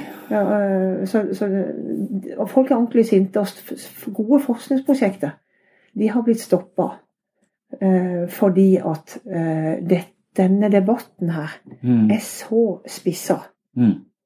Eh, og det er så mye sinne og krenkelse i dette med å liksom De tror ikke på meg. De tror ikke at jeg liksom har det jeg har. Men når du da bare sier, svarer dem altså Vi tror at vi, vi, vi, tror ikke det er noe stor eh, At vi skiller mellom psykosoma er så De er så å- de, de, følger hverandre. Det er ikke noen stor forskjell her. Så vi vil tenke at enhver eh, lidelse vil ha et, en psykologisk komponent, og så kan man vise til forskning på kreft f.eks. Kreft høres ut som en veldig somatisk sykdom, og det er det selvfølgelig. Det er ukontrollert cellevekst. Men, men hvis du i tillegg til stråling og, og cellegift tilbyr gruppeterapi f.eks., mm. så er prognosene veldig mye bedre. Ja, Hvis du snakker med, litt, bedre. Ja, ja det, det, er litt bedre, og du har noen du kan snakke med, du kan ha noen å dele mm. dette med. Eh, du kan uh, tenke mer positivt. Alle disse faktorene vil påvirke sykdomsforløpet. Mm. Og det er ikke noe mer vi snakker om her enn at holdningen din til sykdommen kan komme til å påvirke sykdomsforløpet. Og hvis du låser deg inn i en biologisk forklaringsmodell, så er du fucked. Ja, du går iallfall glipp av noen andre behandlingsmuligheter. Du, og mange går glipp av det. Å mm. frarøve de den muligheten ja. er jo et slags medisinsk overgrep. Jeg tenker det. Ja. Jeg tenker det. Derfor måtte jeg mm. skrive. Men på en veldig hyggelig måte, da. Ja, så, så, det var vanskelig å angripe, egentlig. Jeg, jeg brukte litt tid på det. For mm. jeg tenkte jeg, var, jeg ville ikke spisse de frontene. Ja. Og den eh, siste artikkelen var hun uh, Lighting Process-terapeuten. Det er hun, ja. Er det hun du kjenner, eller? Ja, nå er jeg blitt kjent med henne. For at jeg skrev denne kronikken her, mm. så ble jeg på en måte sånn invitert inn i et forum. Ja. Det er en del eh, helsefolk som, som, er veldig opprørt for dette. Så det vi akkurat har sagt, det vil være krenkende for noen? Ja, voldsomt. Men, og det er pga. stigma rundt psykisk helse. For alle har jo en holdning som vi ikke kan stole helt på. Vi har jo rare Alt du tenker er feil, pleier jeg å snakke under en overskrift. Og alt du føler er feil. Altså, i hvert fall Tenk på at det kan være at alt du føler er filtrert via masse nevroser og masse uh, forhold som overhodet ikke stemmer overens med virkeligheten. Mm. Men, uh, men, du har begynt å tenke på den måten og lever mm. som om det er sant. Mm. Så vær litt interessert i måten du tenker og føler og handler på. Aldri vær så bombastisk. Tenk alltid at det fins ti løsninger på ethvert problem. Uansett hvor enkelt, uh, hvor, hvor stort tro du har på at det er kun én løsning på dette problemet. Så det er liksom det, det Da vil du være fundamentalist hvis du tror noe annet. Også, ja. Og det, eh, fundamentalisme er ikke en god holdning. Nei, det er ikke det. Nei. Så, eh, så, eh, så vi har å gjøre med fundamentalister i så fall. Det er derfor du er redd for å bli bomba? Det kan være du tenker at jeg bare tuller nå. Men jeg, jeg, jeg, jeg tror litt det. Nei, jeg gjør ikke det sånn. Nei. Jeg gjør ikke det. For det er så spissa, dette. Det er så vanskelig. Ja. Virkelig. Er klart Noen av de tingene jeg nå har til med har sagt om vår egen offentlige poliklinikk ja. Vår egen, Under Sørlandet sykehus, som deler ja. ut disse øreproppene, mm. eh, er jo liksom Kan det være vi kommer til, kommer kanskje til å miste jobben? Det er tross alt eh, jeg, jeg, kritiserer mitt eget system her. Ja. Gjør jo det. Jeg sier egentlig nokså rett ut at dette er ikke evidensbasert.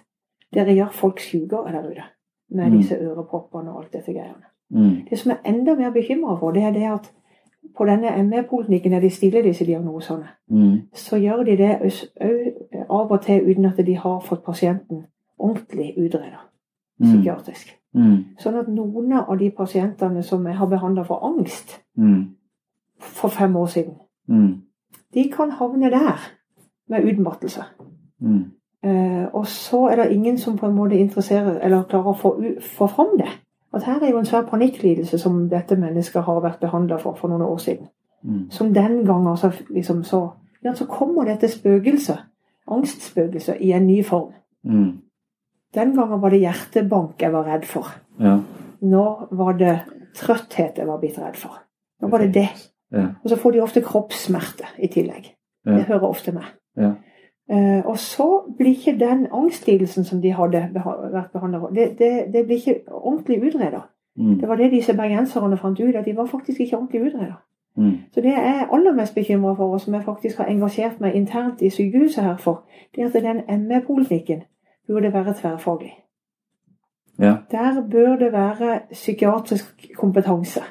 Mm som er eh, medvirkende på stedet der ja. til å være med og utrede og på en måte sortere mm. disse utmatta. Sånn at de ikke bare går opp i den, det store sluket, mm. men at de blir sortert på en annen måte. Sånn at det kan um, altså bli mer spesifikke tiltak. Mm. For hvis en med utmattelse mm. For den, for den skyld òg er med kriteriene etter Canada kriteriene er mm. oppfylt, som det heter. Dette vet ja, ja. ikke du så mye om. Men jeg har lest Canada-kriteriene. Ja, ja. Som ligner fantastisk på generalisert angst, f.eks., mm. eller mm. somatiseringslidelse. Det er jo omtrent identisk. Mm. Um, så kunne det være at uh, uh, vi kunne, hvis, hvis noen av de som, som har generalisert angst eller tvangslidelse, i tillegg til denne utmattelsen, hvis de får uh, disse beskjedene om å ikke belaste seg mer enn 70% og overvåke sitt eget energinivå og ørepropp og sånn, Mm. de er det iallfall jeg har sett, som blir veldig dårlige. Mm. Som blir veldig redde. Mm. Og det kan passe egentlig ganske godt med at det er den gruppa kanskje òg som blir veldig fort frisk, Mm. hvis de får denne Mm. f.eks. lightning process, eller som havner Jeg jeg har vært så heldig at jeg har hatt en to-tre stykker som, har, som jeg har fått til et samarbeid med her.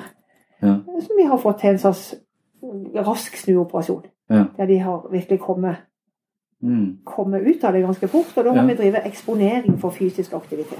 For, for jeg tror jeg veldig ofte når jeg er ute også kritiserer mitt eget system, og jeg kritiserer veldig ofte den ideen vi har om at uh, samtaleterapi kan kurere uh, psykiske lidelser. Ja. Og jeg tror at vi har et operativsystem som vi kan på en måte justere litt på, som gjør at vi lever annerledes. Men jeg tror det er bare noen prosent av et problem. Som Mm. regel så er det så Kanskje du aldri trener. Kanskje du spiser bare pizza. Mm. Eh? Det, er, det er 100 andre faktorer som også vil komme til å påvirke Absolutt. din generelle helsetilstand. Absolutt. Så det å tro at vi skal klare å helbrede noen på et kontor alene med psykoterapi, det tror jeg gjelder en liten prosentandel av de menneskene vi møter. Som å ja, må ja, ok.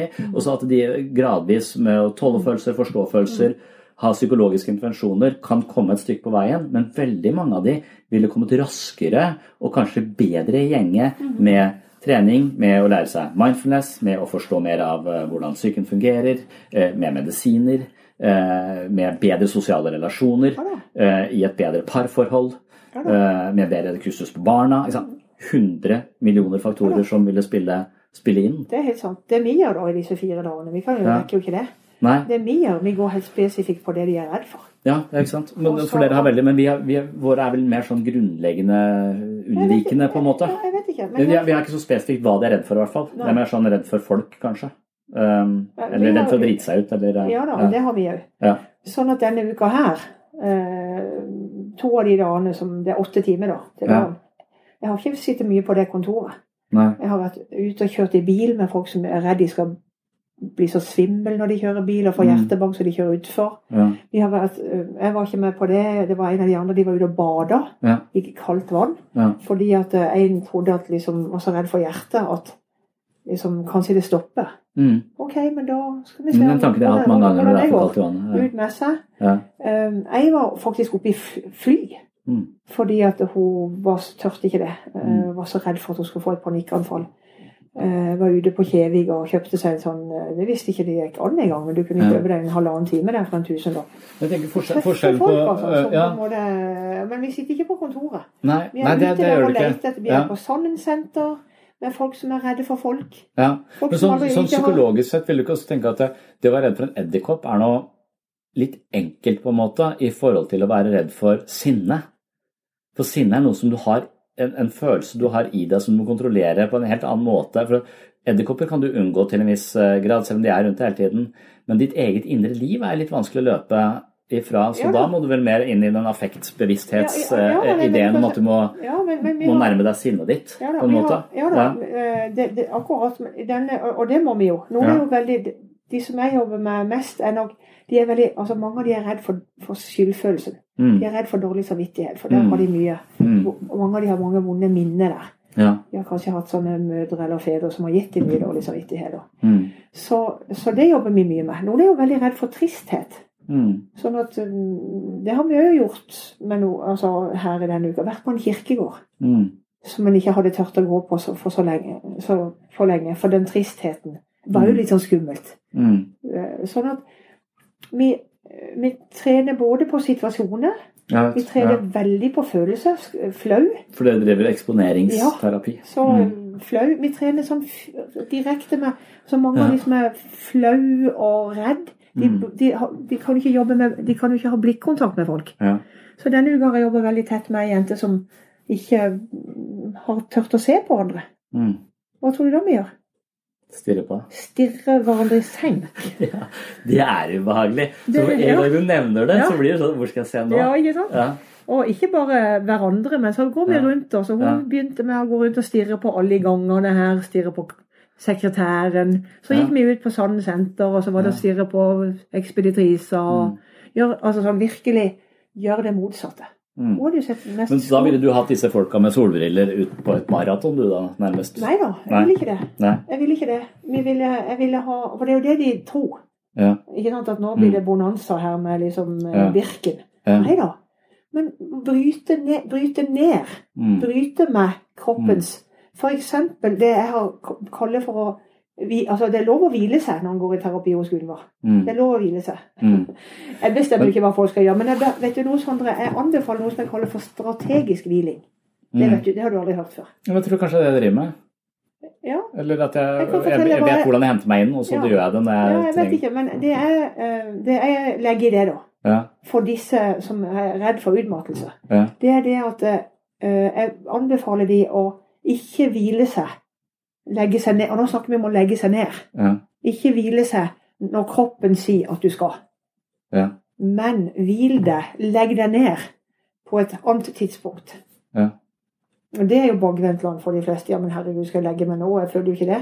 Mm. Men det handler om å, bryte, det, handler om å bryte denne feedback, Mm. dette feedback-systemet. For det de sier hele tiden er at de våkner om morgenen og føler at de. De, de, har det sånn som jeg har det når jeg har løpt. Nå er det oljestafetten til helgen. Ja. Så skal jeg løpe tre kilometer. Jeg løper Ja. gang i året, det er på den. Og da løper jeg til jeg spyr. Ja, Så de har det sånn når de våkner om morgenen. ja da. Men det kan du kanskje forestille at du har hvis du har masse frykt i deg, og jobb, hodet jobber på fullgir hele natta. Så, Før du omtrent har våkna og fått denne beskjeden at du må passe på energinivået ditt, så er du Mm. i gang. Ja. Og så blir du liggende ambivalent i senga og lurer på Du Mm. vet at det er noe hyggelig i det. Men hvor mange prosent tror, tror du holder en åpning for at uh, de som holder på denne somatiske forklaringsmodellen, kan være inne på noe?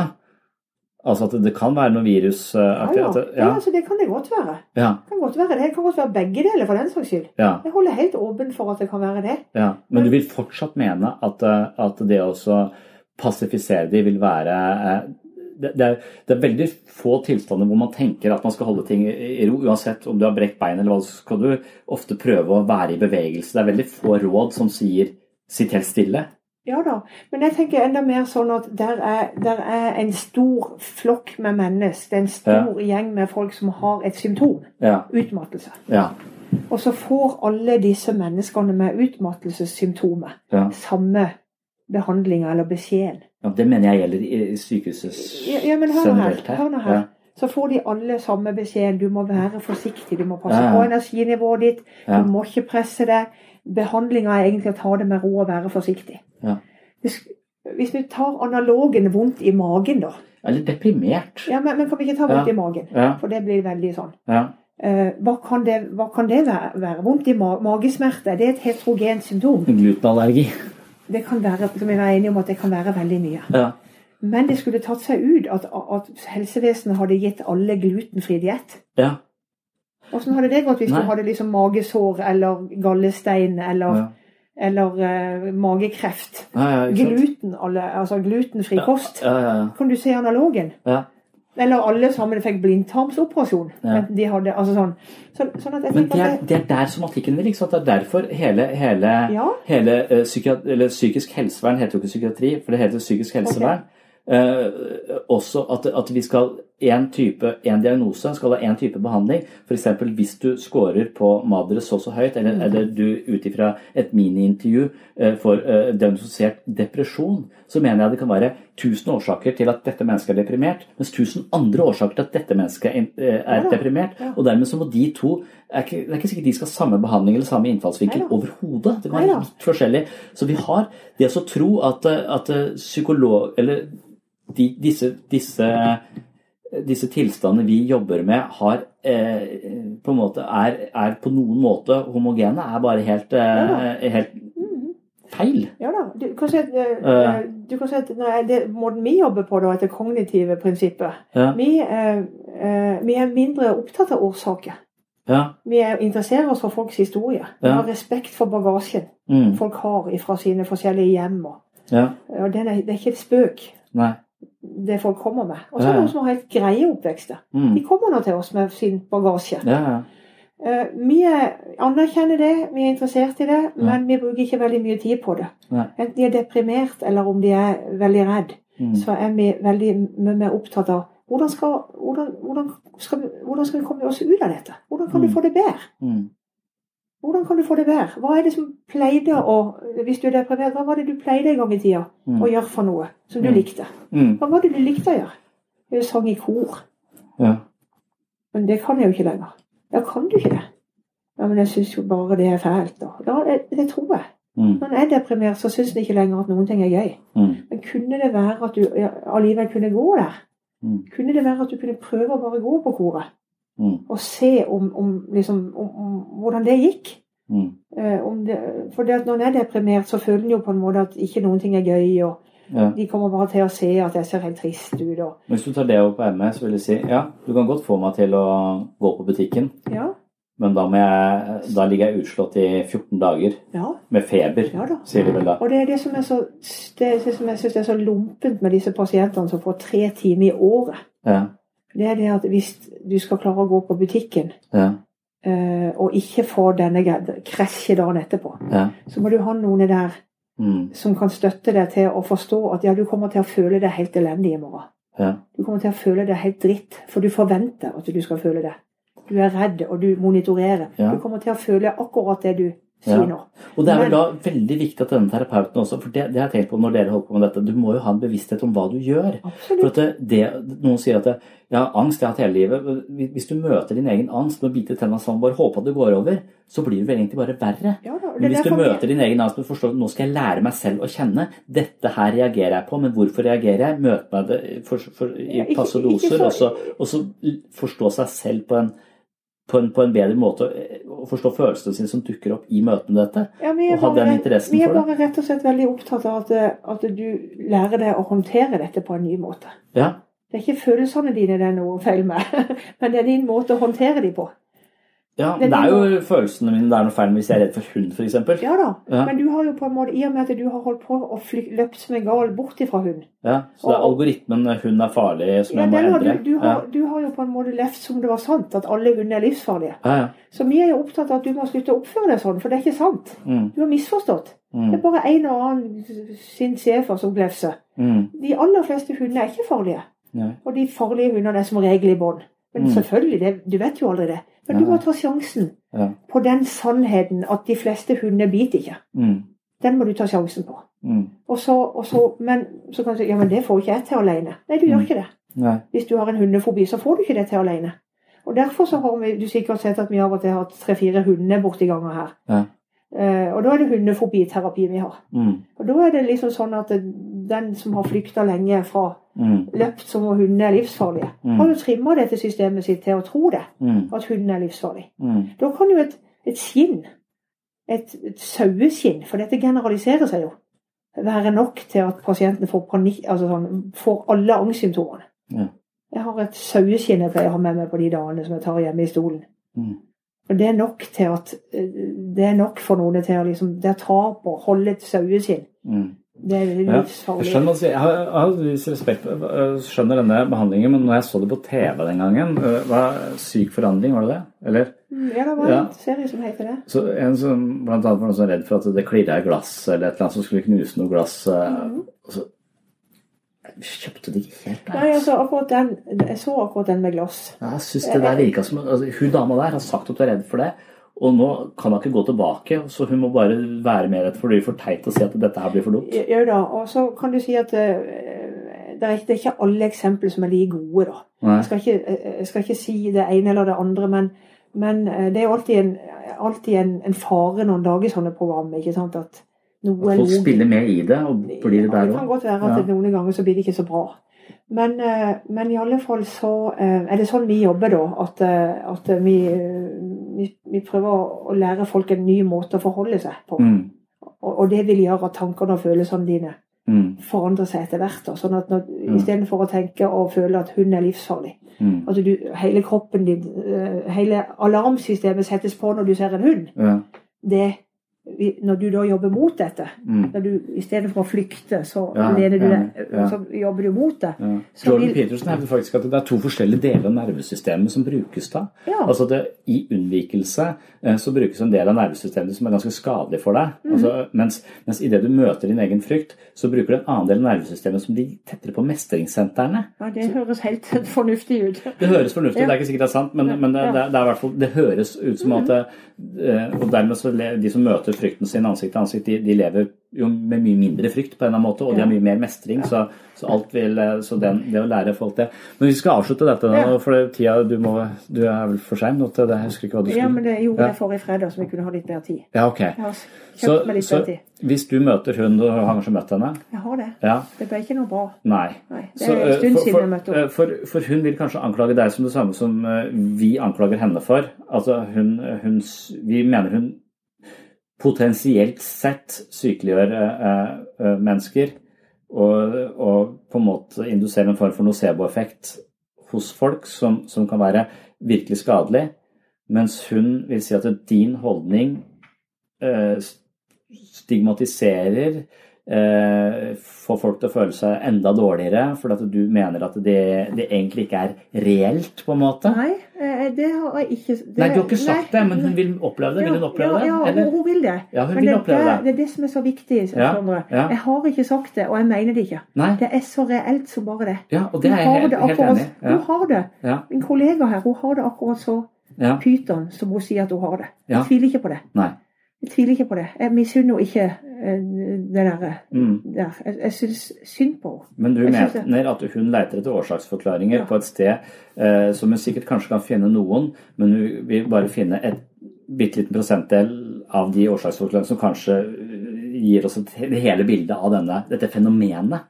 Ja. Som, er, er, som- som har både en kulturell, en personlig, en nevrologisk, en somatisk, en sosial altså Det er utrolig mange faktorer.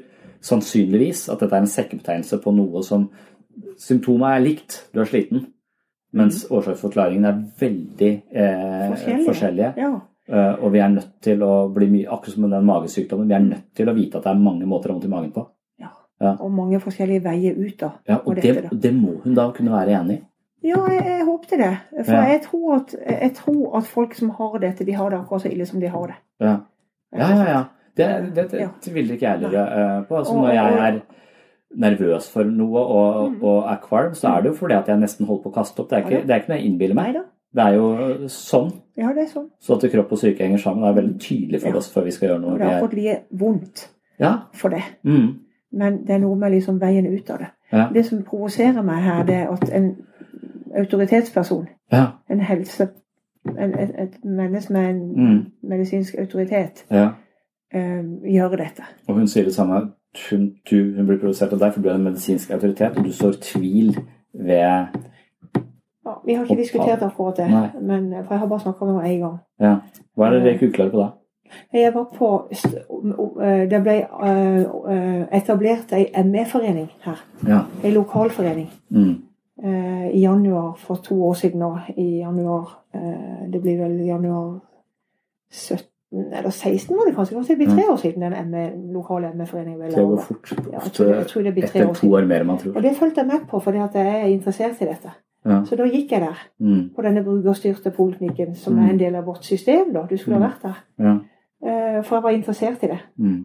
lederen for denne den medisinske lederen for dette var der òg. Ja. Og det var, hun var foreleser der. Ja. Og det var flere. En som hadde skrevet en bok om dette og sånn. Jeg var Mm. interessert i dette.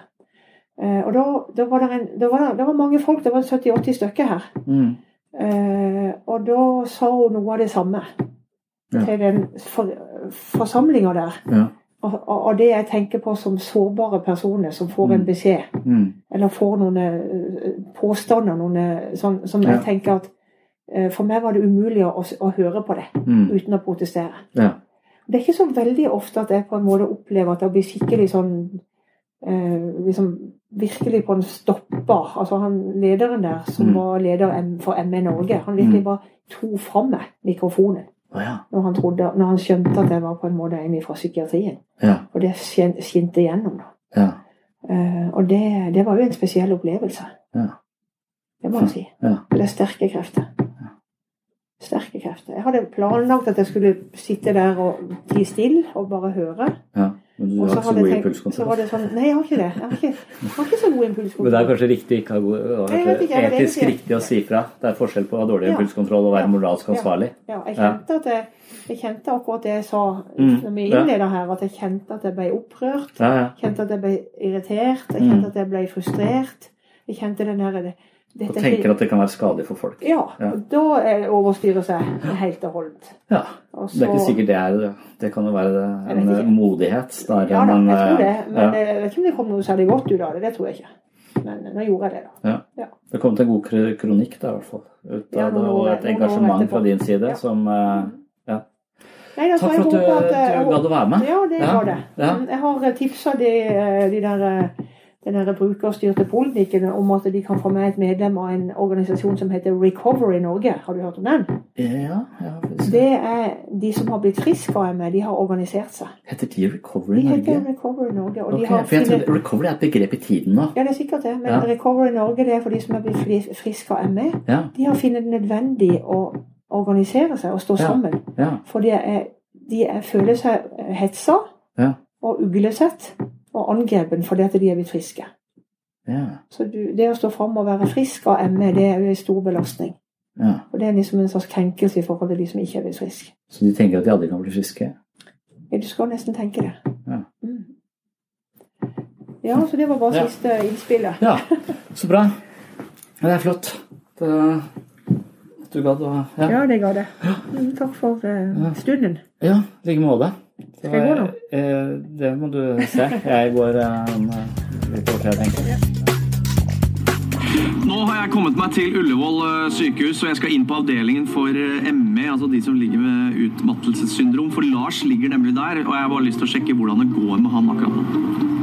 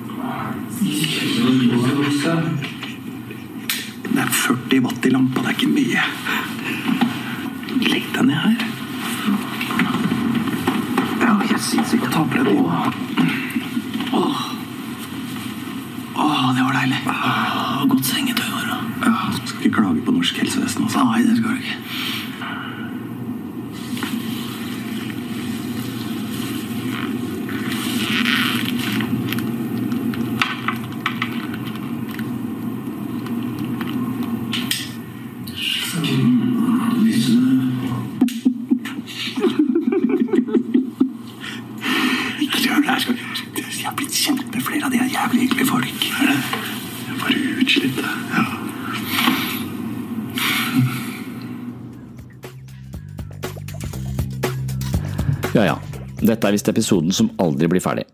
Det er som om jeg ikke tør å la det ligge uten enda flere forbehold. Jeg har allerede beklaget innledningen, og nå er spørsmålet om jeg også bør beklage hoveddelen.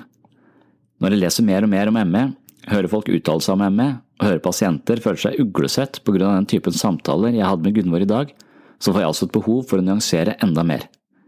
Det du hørte akkurat nå, var Lars Berrum og Martin Beyer-Olsen fra serien Norske fordommer på NRK. De harselerer med det meste og her bokser de utmattelsessyndromet litt i nyrene. Lars har ikke ME, men er bare veldig sliten. Han poengterer imidlertid at de andre pasientene med ME er alvorlig syke, og det er et viktig poeng. Jeg leser stadig om folk som tenker at de blir sett på som late eller skjøre, og at jeg gjør regnskap for symptomene de opplever i form av utmattelse. En jente skriver i Federlandsvennen at hun ikke skjønner hvordan noen tenker at hun lever i nærmest total stillstand fordi hun ikke gidder å gjøre noe annet. Det tror jeg virkelig ikke at noen tenker. Det er iallfall ikke det Gunvor og jeg tenker. Vi tror heller ikke at noen er syke med ME på Lars Berrum-måten. Vi tror ikke at dette er noe folk fabrikkerer, men at det er en helt reell opplevelse av forferdelig utmattelse som rammer disse menneskene. Det vi imidlertid antyder, er at det sannsynligvis finnes mange årsaker til denne typen lidelse, og det vil jeg tro var ukontroversielt, men tydeligvis ikke.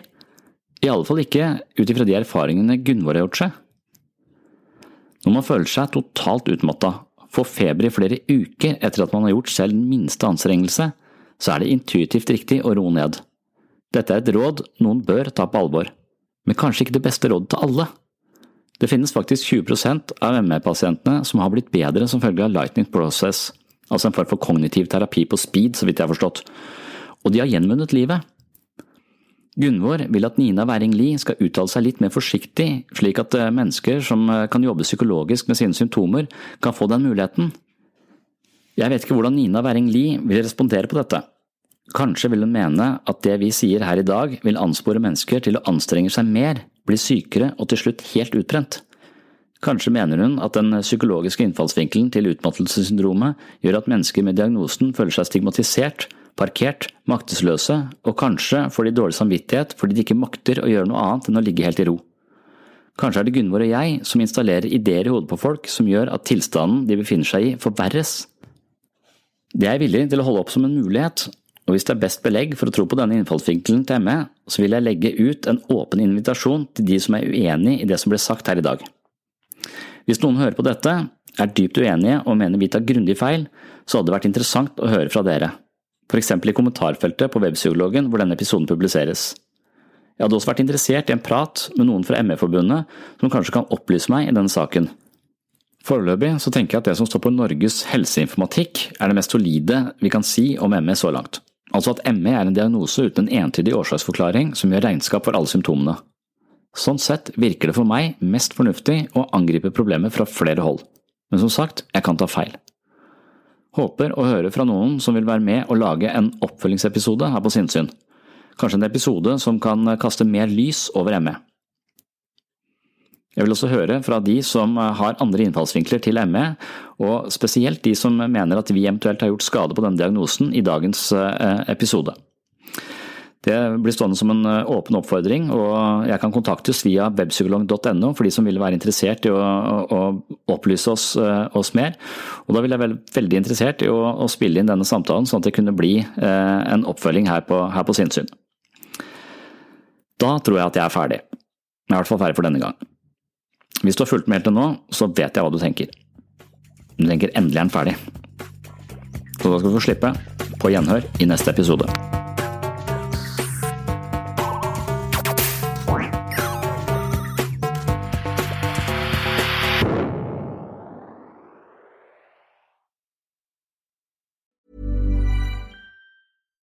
Hi, I'm Daniel, founder of Pretty Litter. Cats and cat owners deserve better than any old fashioned litter. That's why I teamed up with scientists and veterinarians to create Pretty Litter. Its innovative crystal formula has superior odor control and weighs up to 80% less than clay litter. Pretty Litter even monitors health by changing colors to help detect early signs of potential illness. It's the world's smartest kitty litter. Go to prettylitter.com and use code ACAST for 20% off your first order and a free cat toy. Terms and conditions apply. See site for details. Hold up. What was that? Boring. No flavor. That was as bad as those leftovers you ate all week. Kiki Palmer here, and it's time to say hello to something fresh and guilt-free. Hello Fresh. Jazz up dinner with pecan-crusted chicken or garlic butter shrimp scampi. Now that's music to my mouth. Hello Fresh. Let's get this dinner party started. Discover all the delicious possibilities at hellofresh.com. Mom deserves the best, and there's no better place to shop for Mother's Day than Whole Foods Market. They're your destination for unbeatable savings, from premium gifts to show-stopping flowers and irresistible desserts. Start by saving 33% with Prime on all body care and candles. Then get a 15-stem bunch of tulips for just $9.99 each with Prime. Round out Mom's menu with festive rosé, irresistible berry chantilly cake, and more special treats. Come celebrate Mother's Day at Whole Foods Market.